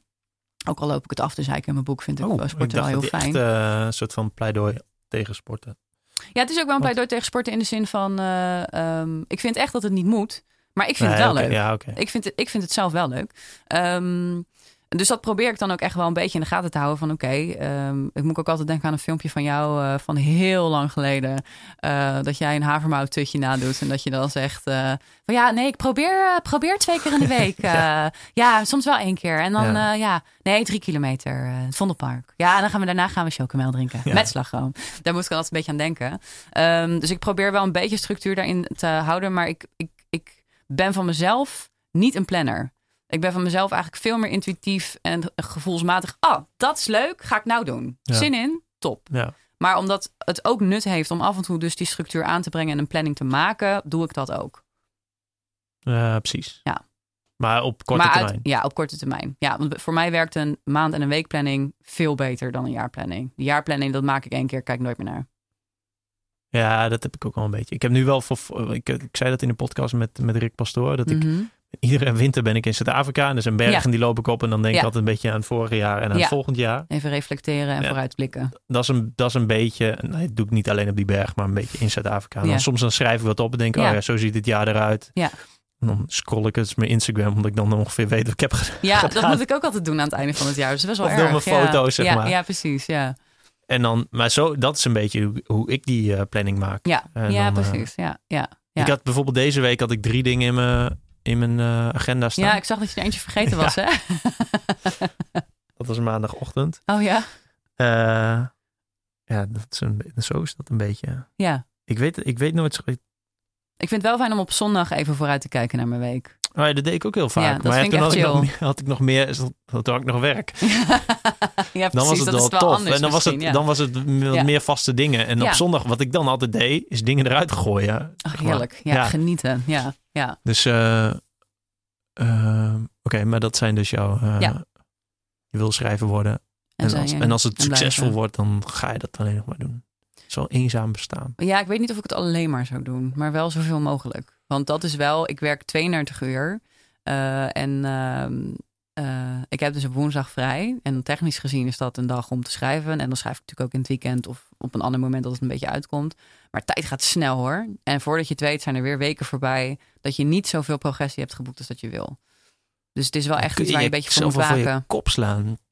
Oh ja, dat, valt nou wel, ja, dat valt wel mee. Je moet, je moet, nou, we moeten helemaal niks, natuurlijk. God, maar ik zeg dat ook niet omdat jij dat Nee, boek nee, hebt nee, geschreven. maar Ik zeg dat dat is- eigenlijk best wel vaak. Ja, maar het is Ehm, echt een opmerking die continu nu ook in mijn leven elke keer terugkomt. Want het is gewoon een hele gevleugelde uitspraak. Iedereen zegt dat. Alleen nu, elke keer als ze tegen mij zeggen, dan denk ik, oh ja, dat is Lianne Ja, boek. nou ja, precies wat Ja, ik, ja, was, wat ik net deed. Ja, Maar het is, ik probeer mezelf dus de hele tijd erop te wijzen dat als ik dat zeg. Het is ook Mm. zelfs een hoofdstuk in mijn eh ehm, moed verzamelen heet dat. Ja. Met een T. Ehm, dat gaat dus eigenlijk over dat heel veel mensen tegen je zeggen van eh, je, moet, je moet echt dit doen. En Ja. je, je moet even Mhm. dit en je moet... Ja. Goed, dat gaat daarover. Mhm. Eh, ik wilde zeggen we moeten afsluiten, maar we hebben nog een kwartier. Maar ik moet het ook nog eventjes eh, Ja. downloaden en naar mezelf sturen. prima. Ik heb echt geen idee meer wat mijn vraag was. We hadden het over? Nou ja, we waren, je vroeg mij net van, nou, hè, wat, wat zijn, heb je nog doelen? En toen zei ik van, nou, hè, ik wil schrijven, maar soms dan zijn de dagen weken snel op. Oh ja. Hoe, hoe ga jij eh, ehm, eh, om met dat, met, eh, dat plannen van schrijven? Ja. Ik vind dat eigenlijk best wel moeilijk of zo. Dat ik, soms dan heb ik van die dagen dat ik denk... Nou, laat ik, laat ik bijvoorbeeld voor mijn boek. Het Ja. bestaat uit tien, uit tien delen met eronder 85 hoofdstukken. Alleen dat kan nog allemaal veranderen. En die ja, hoofdstukken maar dat zijn is een beetje de basis, ja. Dan denk ik, ja, nu, nu ga ik eigenlijk voor ieder hoofdstuk in 200 woorden het centrale punt uitleggen. Nou, dan heb ik weer een, een Ja, soort stukje. van manier om Mhm. te schrijven. Soms denk ik, eh, ik ga gewoon de, de 2000 woorden regel, die, Ja, die ook veel schrijvers Ja, hebben. Maakt niet uit wat er staat, als, Als als, er wat het er maar staat. Maar ik wissel het allemaal een beetje af. En ik heb niet het idee van, ah, ik heb nu een manier gevonden die voor altijd Nee. past bij mij. En, en ja. Ja. ik ben al blog, ik ben al tien jaar blogger, dus Ja. ja. die manieren werken waarschijnlijk allemaal, want anders had ik niks geschreven. Nee, precies. Hoe ja. doe jij dat? Ik doe het als volgt. En dat heeft ook te maken met het feit dat ik 32 uur werk. Ehm, ik, doe, ik werk in sprints. Ik werk in pomodoro's. Ik Oh gebruik dit tomaatje. ehm, eh, want, en, ik, en ik ben ook wel Maar dat is weer een soort van microplanning. Ja, microplanning. Ehm, en wat ik ook wel merk is dat voor mij helpt het heel erg om het visueel te maken. Dus ik pak zo'n legal paper ding en dan ga ik daarop tekenen van waar gaat, waar gaat dit over? Dit is dat hoofdstuk, dus dat hoofdstuk. Of, of ik doe iets met post-its en zo probeer ik in ieder geval wel een soort structuur te hebben van daarin ga je schrijven. Ehm, maar dan in het dagelijkse bestaan werk ik in stukjes van 20 tot 25 minuten, waarin ik gewoon ga zitten, muziek op en gaan. Mhm. Ehm, en daarom denk ik ook eigenlijk dat ik nooit echt 100% alleen maar zal schrijven. Omdat ik kan toch niet heel de dag achter elkaar schrijven. Het werkt bij mij sowieso in stukjes. Nee, precies. Maar daar hoort natuurlijk ook gewoon een soort van nadenk en research ja, werk tuurlijk, bij. dat hoort er ook bij. Ehm, en ehm, eh, voor mij werkt het dus gewoon tijd. Dus niet wo- word count, bij mij werkt het tijd. Minstens een uur een Ja, dag precies. per dag. Ja, dat werkt voor mij. Oh, ja. Want Ah, op die manier hou ja, ja, toch? Ja. Ah, doe ik dat. Nee, het Hey, die. Pomodoro heb ik trouwens ook wel eens... Ja, je hebt dat op je Mac, kun je zo'n appje installeren. Ja, klopt, toch? ja. Dat Ja. heb ik ook wel eens gedaan. Ja, dat werkt wel tof. ja, ik vind het wel fijn. Ja. En meestal, ja, je hoeft niet, natuurlijk niet eens een wekkertje. Meestal is het ook wel zo dat je even bezig bent en denkt, Nou ja. even tussendoor doen. Alleen, Ja. ja. het gevaar is altijd, oh ja, ik, kan me, ik moet mijn was ook nog drogen. En ik moet Ja, mijn vaat wassen. Ja. moet dit nog opruimen en planten water geven. Ja. Oké, nu zijn we er echt. Yes. Eh dankjewel. Dankjewel dat ik er mocht zijn. Ehm, ja, ik denk dat we veel geleerd hebben. Kunnen, waar, waar vinden we jou terug? De selfhelphipster.com. Ja, de selfhelphipster.com. Ik schrijf ook Nederlandse stukjes op Medium en op eh, Instagram en Twitters. En op Facebook zit ik ook. En je hebt ook een podcast die is En ik in heb Engels. ook een podcast. Die is wel in het Engels, ja. Ja. ehm, te vinden op alle podcast eh, dingen. Yes. Oké, nou bedankt voor het Ja. En tot de volgende keer. Bye. Bye.